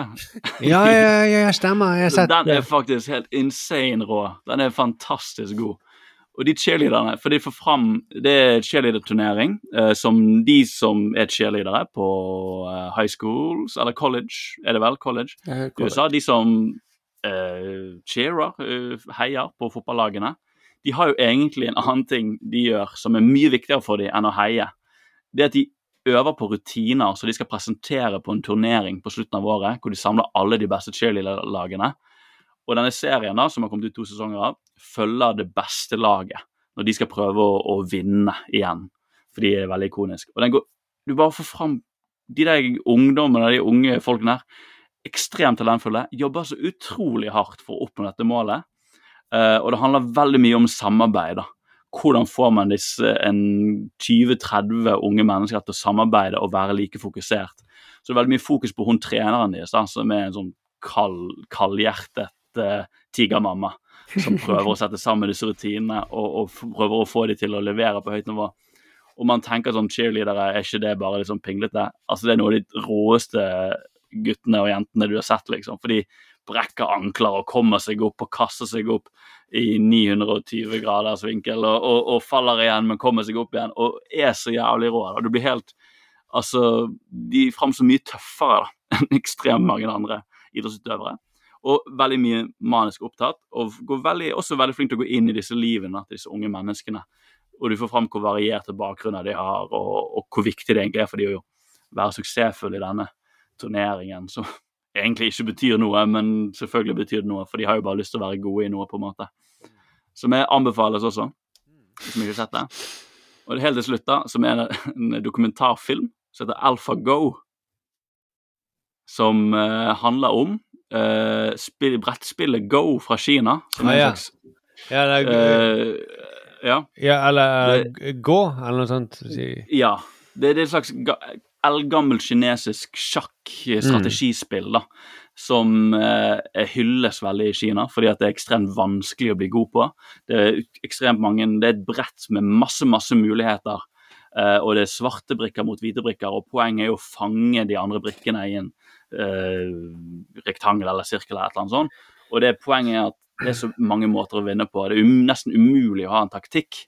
Uh, mye mer kompleks enn sjakk. Uh, Ja. Og hele poenget er at de som er gode i det, de, de framstilles nesten litt som sånn i kontakt med et annet nivå. Fordi at du må, du må, du må føle noe inni deg som får deg til å ta de riktige valgene. Og det den dokumentaren handler om, er at noen prøver å utvikle en kunstig intelligens, en datamaskin, sånn som man har gjort med sjakk. Eh, en kunstig intelligens som skal klare å slå den beste Go-spilleren i verden. Og det har de ennå ikke klart, sant? Det har de klart. Å ja, ok. ja. Jeg, bare, jeg, bare, jeg leser om ja. dette for noen år siden, og da eh, Mm. hadde de ikke klart det. Og det eh, Men det var et eller annet med at det var i hvert fall mye vanskeligere enn i sjakk, da. Det er det som er pointet, som er så utrolig kult og så fascinerende. Det handler om to ting. Det ene handler om er jo kunstig intelligens og hvor komplekst det kan bli. Den gjør som maskinlæring, da, sånn som man gjør med sjakk, hvor de analyserer spillet fra de beste spillerne i hele verden, og så skjønner man plutselig sjakk, fordi man ser alle manøvrene. Poenget er at det er en million, milliard forskjellige manøvre, så nesten umulig å lære seg taktikk. Uh, men og det, det, det handler, på den andre siden så handler det om menneskelige evnen til å kunne skape eller være god i noe. Eh, og det som denne dokumentaren er verdt å se uansett hva jeg forteller om den, men det som er så kult med den, er at eh, denne maskinen eh, de har klart å lære, begynner å bli ekstremt god i dette spillet og begynner å slå ut spillere. Og da får jo alle disse spillerne til å spille litt panikk, for de har alltid tenkt at dette er en menneskelig egenskap. Maskiner kan jo ikke Det er jo ingen taktikk her, det er jo bare følelser. Så setter de den opp mot den verdensmesteren i en turnering hvor de kan spille mot hverandre. Best av eh, tre eller noe sånt. Og så vinner den maskinen først. Og det setter ut han her eh, verdensmesteren. Han, blir helt, han får litt panikk, for han skjønner ikke hvordan det skal være mulig. Og så i omgang nummer to så ser det ut at den maskinen skal vinne igjen. Det ser ut som at det er helt umulig for denne fyren å vinne. Og du ser at panikken begynner å slå inn, og de ser på alle analyser at herregud, maskinen har vunnet igjen, dette spillet er ikke så utrolig som vi trodde. Men plutselig så gjør han fyren en manøver så ingen som ser på, skjønner. Ingen forstår hvorfor han gjorde det. Ingen, for, ingen forstår hvorfor han gjorde akkurat den manøveren. Datamaskinene skjønner det ikke, eksperter skjønner det ingen, ikke. Og plutselig begynner den supersmarte maskinen å gjøre veldig rare manøvre. Den begynner å gjøre skikkelig rare trekk. Og, skjønner, og så begynner den maskinen å bare spille seg sjøl helt ut av spillet. Og så kommer han med fyren inn da, og, og vinner kampen til slutt. Og det de forstår da til slutt, er at denne maskinen pushet han fyren så mye at han gjorde et trekk som var én i milliard sjanse for et menneske å forstå. og det som har skjedd da, som er poenget til dokumentaren, er å få fram at gjennom denne maskinlæringen så kan vi mennesker pushes til å oppnå ting vi ikke visste var mulig engang. Fordi motstanderne våre kan komme på et nivå som er så ekstremt høyt. Så han fyren klarte liksom å slå denne maskinen til slutt, da. I én kamp, vel å merke. Fordi han ble pushet til et nivå som man, han ikke kunne forklare engang. Han bare sa jeg følte bare det var retningen for å vinne. Jeg kunne ikke forklare det. Det hadde aldri vært mulig da, hvis denne maskinen ikke hadde pushet Bare si en ting at eh, eh, Alfa Zero, som er liksom den beste dataprogrammet nå, da eh, Mm. Når de snakker om maskinlæring, så driver ikke den og analyserer eh, masse partier. Det den gjør, er at den, den bare lærer seg reglene, og så får han, får han, spille, masse, får han spille masse partier. Og da Mm. Ja, det er liksom den, det som har gjort at den har revolusjonert sjakken. For den har plutselig begynt å gjøre noe som ingen andre har tenkt på. Eh, spilt på en helt annen måte. Mm. Og som også har da pushet Magnus Carlsen til plutselig å ja, gå fram med bonden på kanten. Sånn, ja, det er så tidlig. Det er jo helt rart. Men det, det, den dokumentaren ga meg veldig nytt perspektiv på kunstig intelligens og hvordan det faktisk tjener oss. da, på en måte. At det handler ikke bare om de skal overta og være smartere enn oss, det handler om at de kan vise oss nye måter å tenke på. Hmm. Maskiner kan eh, Og det er det samme, jeg forklarte det feil, men det er akkurat det, er det samme denne AlphaGo gjør. da. Den bare lærer seg spillet, og så forstår det på en annen måte. Og det syns jeg er veldig kult. Og går også inn i idrett og sport, og hva du får fram av menneskelig potensial, da, og pushe oss sjøl. Det er jo en veldig sånn fascinerende ting. Så Men det er- Dette var en ja. dokumentarfilm, sa du. Mm. Ligger den ute noe sted, eller? Den ligger på Netflix. Ja, gjør det, ja. Alt, er på, alt er på Netflix. De er gode på sport. Ja, det er jo Sunderland til I Die òg, er ikke det? Det er vel Mhm. Netflix? Ja. har du sett den, den Arild? Nei. Nei. Apropos lage noe som øh, engasjerende og noe som er dritkjedelig. Det, Mm. det er jo Sunderland som har rykket ned De rykker jo ned til tredjedivisjon på et eller annet tidspunkt. De- skulle egentlig lage om den fin De rykket ned fra Premier League til førstedivisjon, og så skal de Mm. lage en dokumentar om veien opp, men så rykker de seg ned. Eh, og, så ble, og så blir det en sesong fra tredje sesong, og det, for tredjedivisjoner, eller tredje øverste nivå. Og det er jo en veldig eh, Den er jo heartbreaking, da. Den er jo veldig søt. Men Mm. uh, Jeg har, jeg har hørt Mm. om den, at det er litt samme sjanger. da. Du, har, du kan se det uten å bry deg om fotball, egentlig, for det er Ja, ja. bare hjerteskjærende. Og du følger alle folkene en, mm. Jeg bare, jeg bare håper ikke de lager en dokumentar om Brann nå. Jeg kan fortelle at jeg har vært i dialog med Brann om det. Ja. For det at uh, Jo Torgersen, som vi kjenner, uh, er jo venn med han som laget Sunderland til I Die. Og så kjenner jeg en i Ja. Brann, så jeg tenkte sånn Her kan jo vi lage Ikke en Sunderland til I Die, men vi har ekspertisen derfra som vi kan rådføre oss med. Da. Han hadde jo ikke vært med å lage han. Men Brann eh, hadde vært vært inne på tanken om å slippe til kamerateam, men de velger å skåne spillerne. Og jeg må jo si at når du er eh, Jeg kan forstå argumentet litt, for hvis Brann ikke gjør det bra nå, og man har et kamerateam som dokumenterer prosessen, så, Mm. så Har de kan ikke de på- gå 16, neste så kan ikke gå to, i tog på 17. mai, for å si det sånn. Det, de, har de med på nachspiel? Det går ikke, det å ha et kamera. Nei, Nei men jeg, jeg, jeg prøvde, for jeg tenkte liksom at her er jo vi det, Dette er jo en idrettsdokumentar, liksom. Mm, ja, ja. Eh, så det, det, er eh, ikke det, er ikke det bestandig prosedyre at når et storlag rykker ned, så må du lage en dokumentar om det? De gjorde det om Tromsø, de har gjort det om Vålerenga, de har gjort det med Jeg føler det. så må Jon Arne Riise bli trener, og så skal man Ja, ja. Ram med sånn Mm. ja. Mm. Nei, men, Men- jeg, ja. Et spørsmål jeg bare hadde til deg. Har du sett et ekte Formel 1-løp? Ja, eh, ikke et helt ett, for det så holder på så lenge. Ja. Men har, eh, blir jo, blir jo, det er også en bieffekt da, av å se sånne serier. Du plutselig begynner å gå ned i YouTube-hull hvor du ser på disse idrettene. Ja, for jeg, jeg I min tid, eh, eller gamle For lenge, lenge, lenge siden, så fikk NRK De fikk rettighetene til Formel 1. Fordi at de Mm. hadde en mot Det var litt sånn det funket da at Jon Hervik Karlsen var i redaksjonen, og han var besatt av motorsport, så han fikk på motorsport på en viss Så han, det var, de, de hypet det så jævlig opp. Nå skal NRK sende eh, Formel 1 hele søndagen, det største Grand Prix-løpet, bla, bla, bla. Og jeg gledet meg så jævlig. Og jeg, Mm. jeg husker jeg tok det opp på video. eh, for jeg, jeg var en eller annen besøk vi hadde, så jeg rakk ikke se det. Så jeg måtte liksom inn og mate inn nye videokassetter. Og det er det kjedeligste. Nå hadde jeg jo ingen forutsetninger for å engasjere meg i det. Men det, er, det, det kjører jo bare rundt der i seks timer eller noe sånt. Men jeg kjenner så mange som nå Mm. er blitt helt besatt av Formel 1 pga. Drive to Survive. Ja, ja. Som er blitt Som nå eh, snakker om å reise på løp og se det live. Og det er jo da karakterene som er i bilene, som står bak, som har gjort at sporten blir interessant. De har fått noe utover selve bilracet som engasjerer. Det er drama. Det er, litt, det er litt sånn som man reiser til New York fordi man har sett sånn uh, Desperate Housewives of uh, Manhattan, eller hva det heter. Fordi det, bare er sånn, det, det er med barnslige folk som krangler, men du blir veldig fascinert. Og Sunderland eh, har fått masse nye supportere i hele verden pga. den Sunderland til I die. Og Mm. den fulgte jo virkelig et tomrom. For det var jo når eh, covid først kom, så var det jo helt slutt på fotball. Det var ingen Stemmer fotball. Da så jeg uh, Sunderland. Da, for jeg, du trenger den her uh, ukentlige uh, spenningen som det er Mm. å, å følge fotballag, da. Og Ja. når du eh, ikke hadde det, så ga det De var jo også veldig flinke til Jeg visste jo ikke Jeg visste jo ingenting om dokumentaren. Jeg visste ikke hvordan det gikk. Så jeg trodde de skulle rykke opp. I hvert fall holde seg. Så jeg, jeg ble veldig skuffet da de rykket ned. Det, er så, som jeg ville gjort med da Brann rykket ned. Det er jo fordelen med det som er så gøy at det ikke er en skrevet film. at Du ikke kan, du kan jo ikke forutse idrett på den måten. Ja. Uh, som er grunnen til at de gjør seg så bra som dokumentar, Mm. eh, rett og slett. Ja, det, jeg har lyst til å se Drive to Survive, for jeg føler at jeg, jeg, jeg har falt litt utenfor. Eh, for det er så mange som ser det, og så er mange som blir så engasjert i Formel 1. Det er litt Ja, sånn nå- samme som når folk blir jævlig engasjert i Tour de France, og det ble liksom veldig mye samtaler rundt det. Så måtte jeg liksom OK, jeg må, dette, jeg må bare inn i dette. For at, eh, eh, ellers faller jeg helt utenfor. Ja, jeg må bare si for helt til slutt hun, Fran Libovic hun har en, en samtale med Spike Lee, hvor Spike Lee mener at uh, Michael Jordan han er på nivå med eh, Michelangelo og uh, og uh, Frank Sinatra, liksom. Han er et geni, kunstnerisk geni.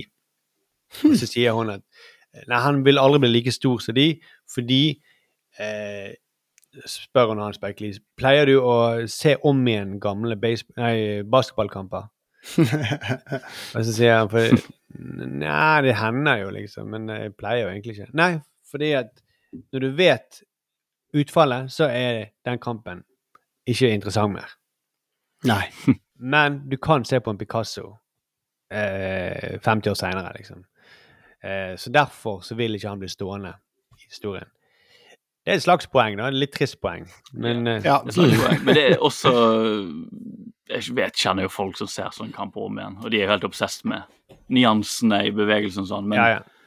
jeg skjønner poenget. Jeg tar Ja. den. Mm. Ja, men det er litt mer ferskvare. OK. Eh, vi må eh, gi oss, vi må legge oss, og så eh, Og så eh, skal vi se Kidding, det har vi lovet. Eh, Ja, den jeg har vi- sett det, Jeg, altså. jeg har begynt å se Jeg på har, det. så, jeg har masse notater. Jeg var overrasket over hvor mye notater jeg tok. På Kidding. Mm. Så eh, lager vi en spesialepisode om det når vi får tid, og så høres vi i alle fall igjen om en uke. Og fortsett å Mm. sende inn eh, tips og eh, reaksjoner til oss på eh, post15080.no, eller på vår eh, 5080 sin Facebook eller eh, Instagram. Og, eller eh, ring hjem til Thomas hvis dere har, har lyst til det. Og spre gjerne ord om podkasten hvis du liker det. Det setter vi pris på. Ja, det trenger vi. Ja, gjør det. Vi- Ja, det, det har vært veldig kjekt. Ja. OK, vi snakkes! Snakkes. Ha det. Ha det bra.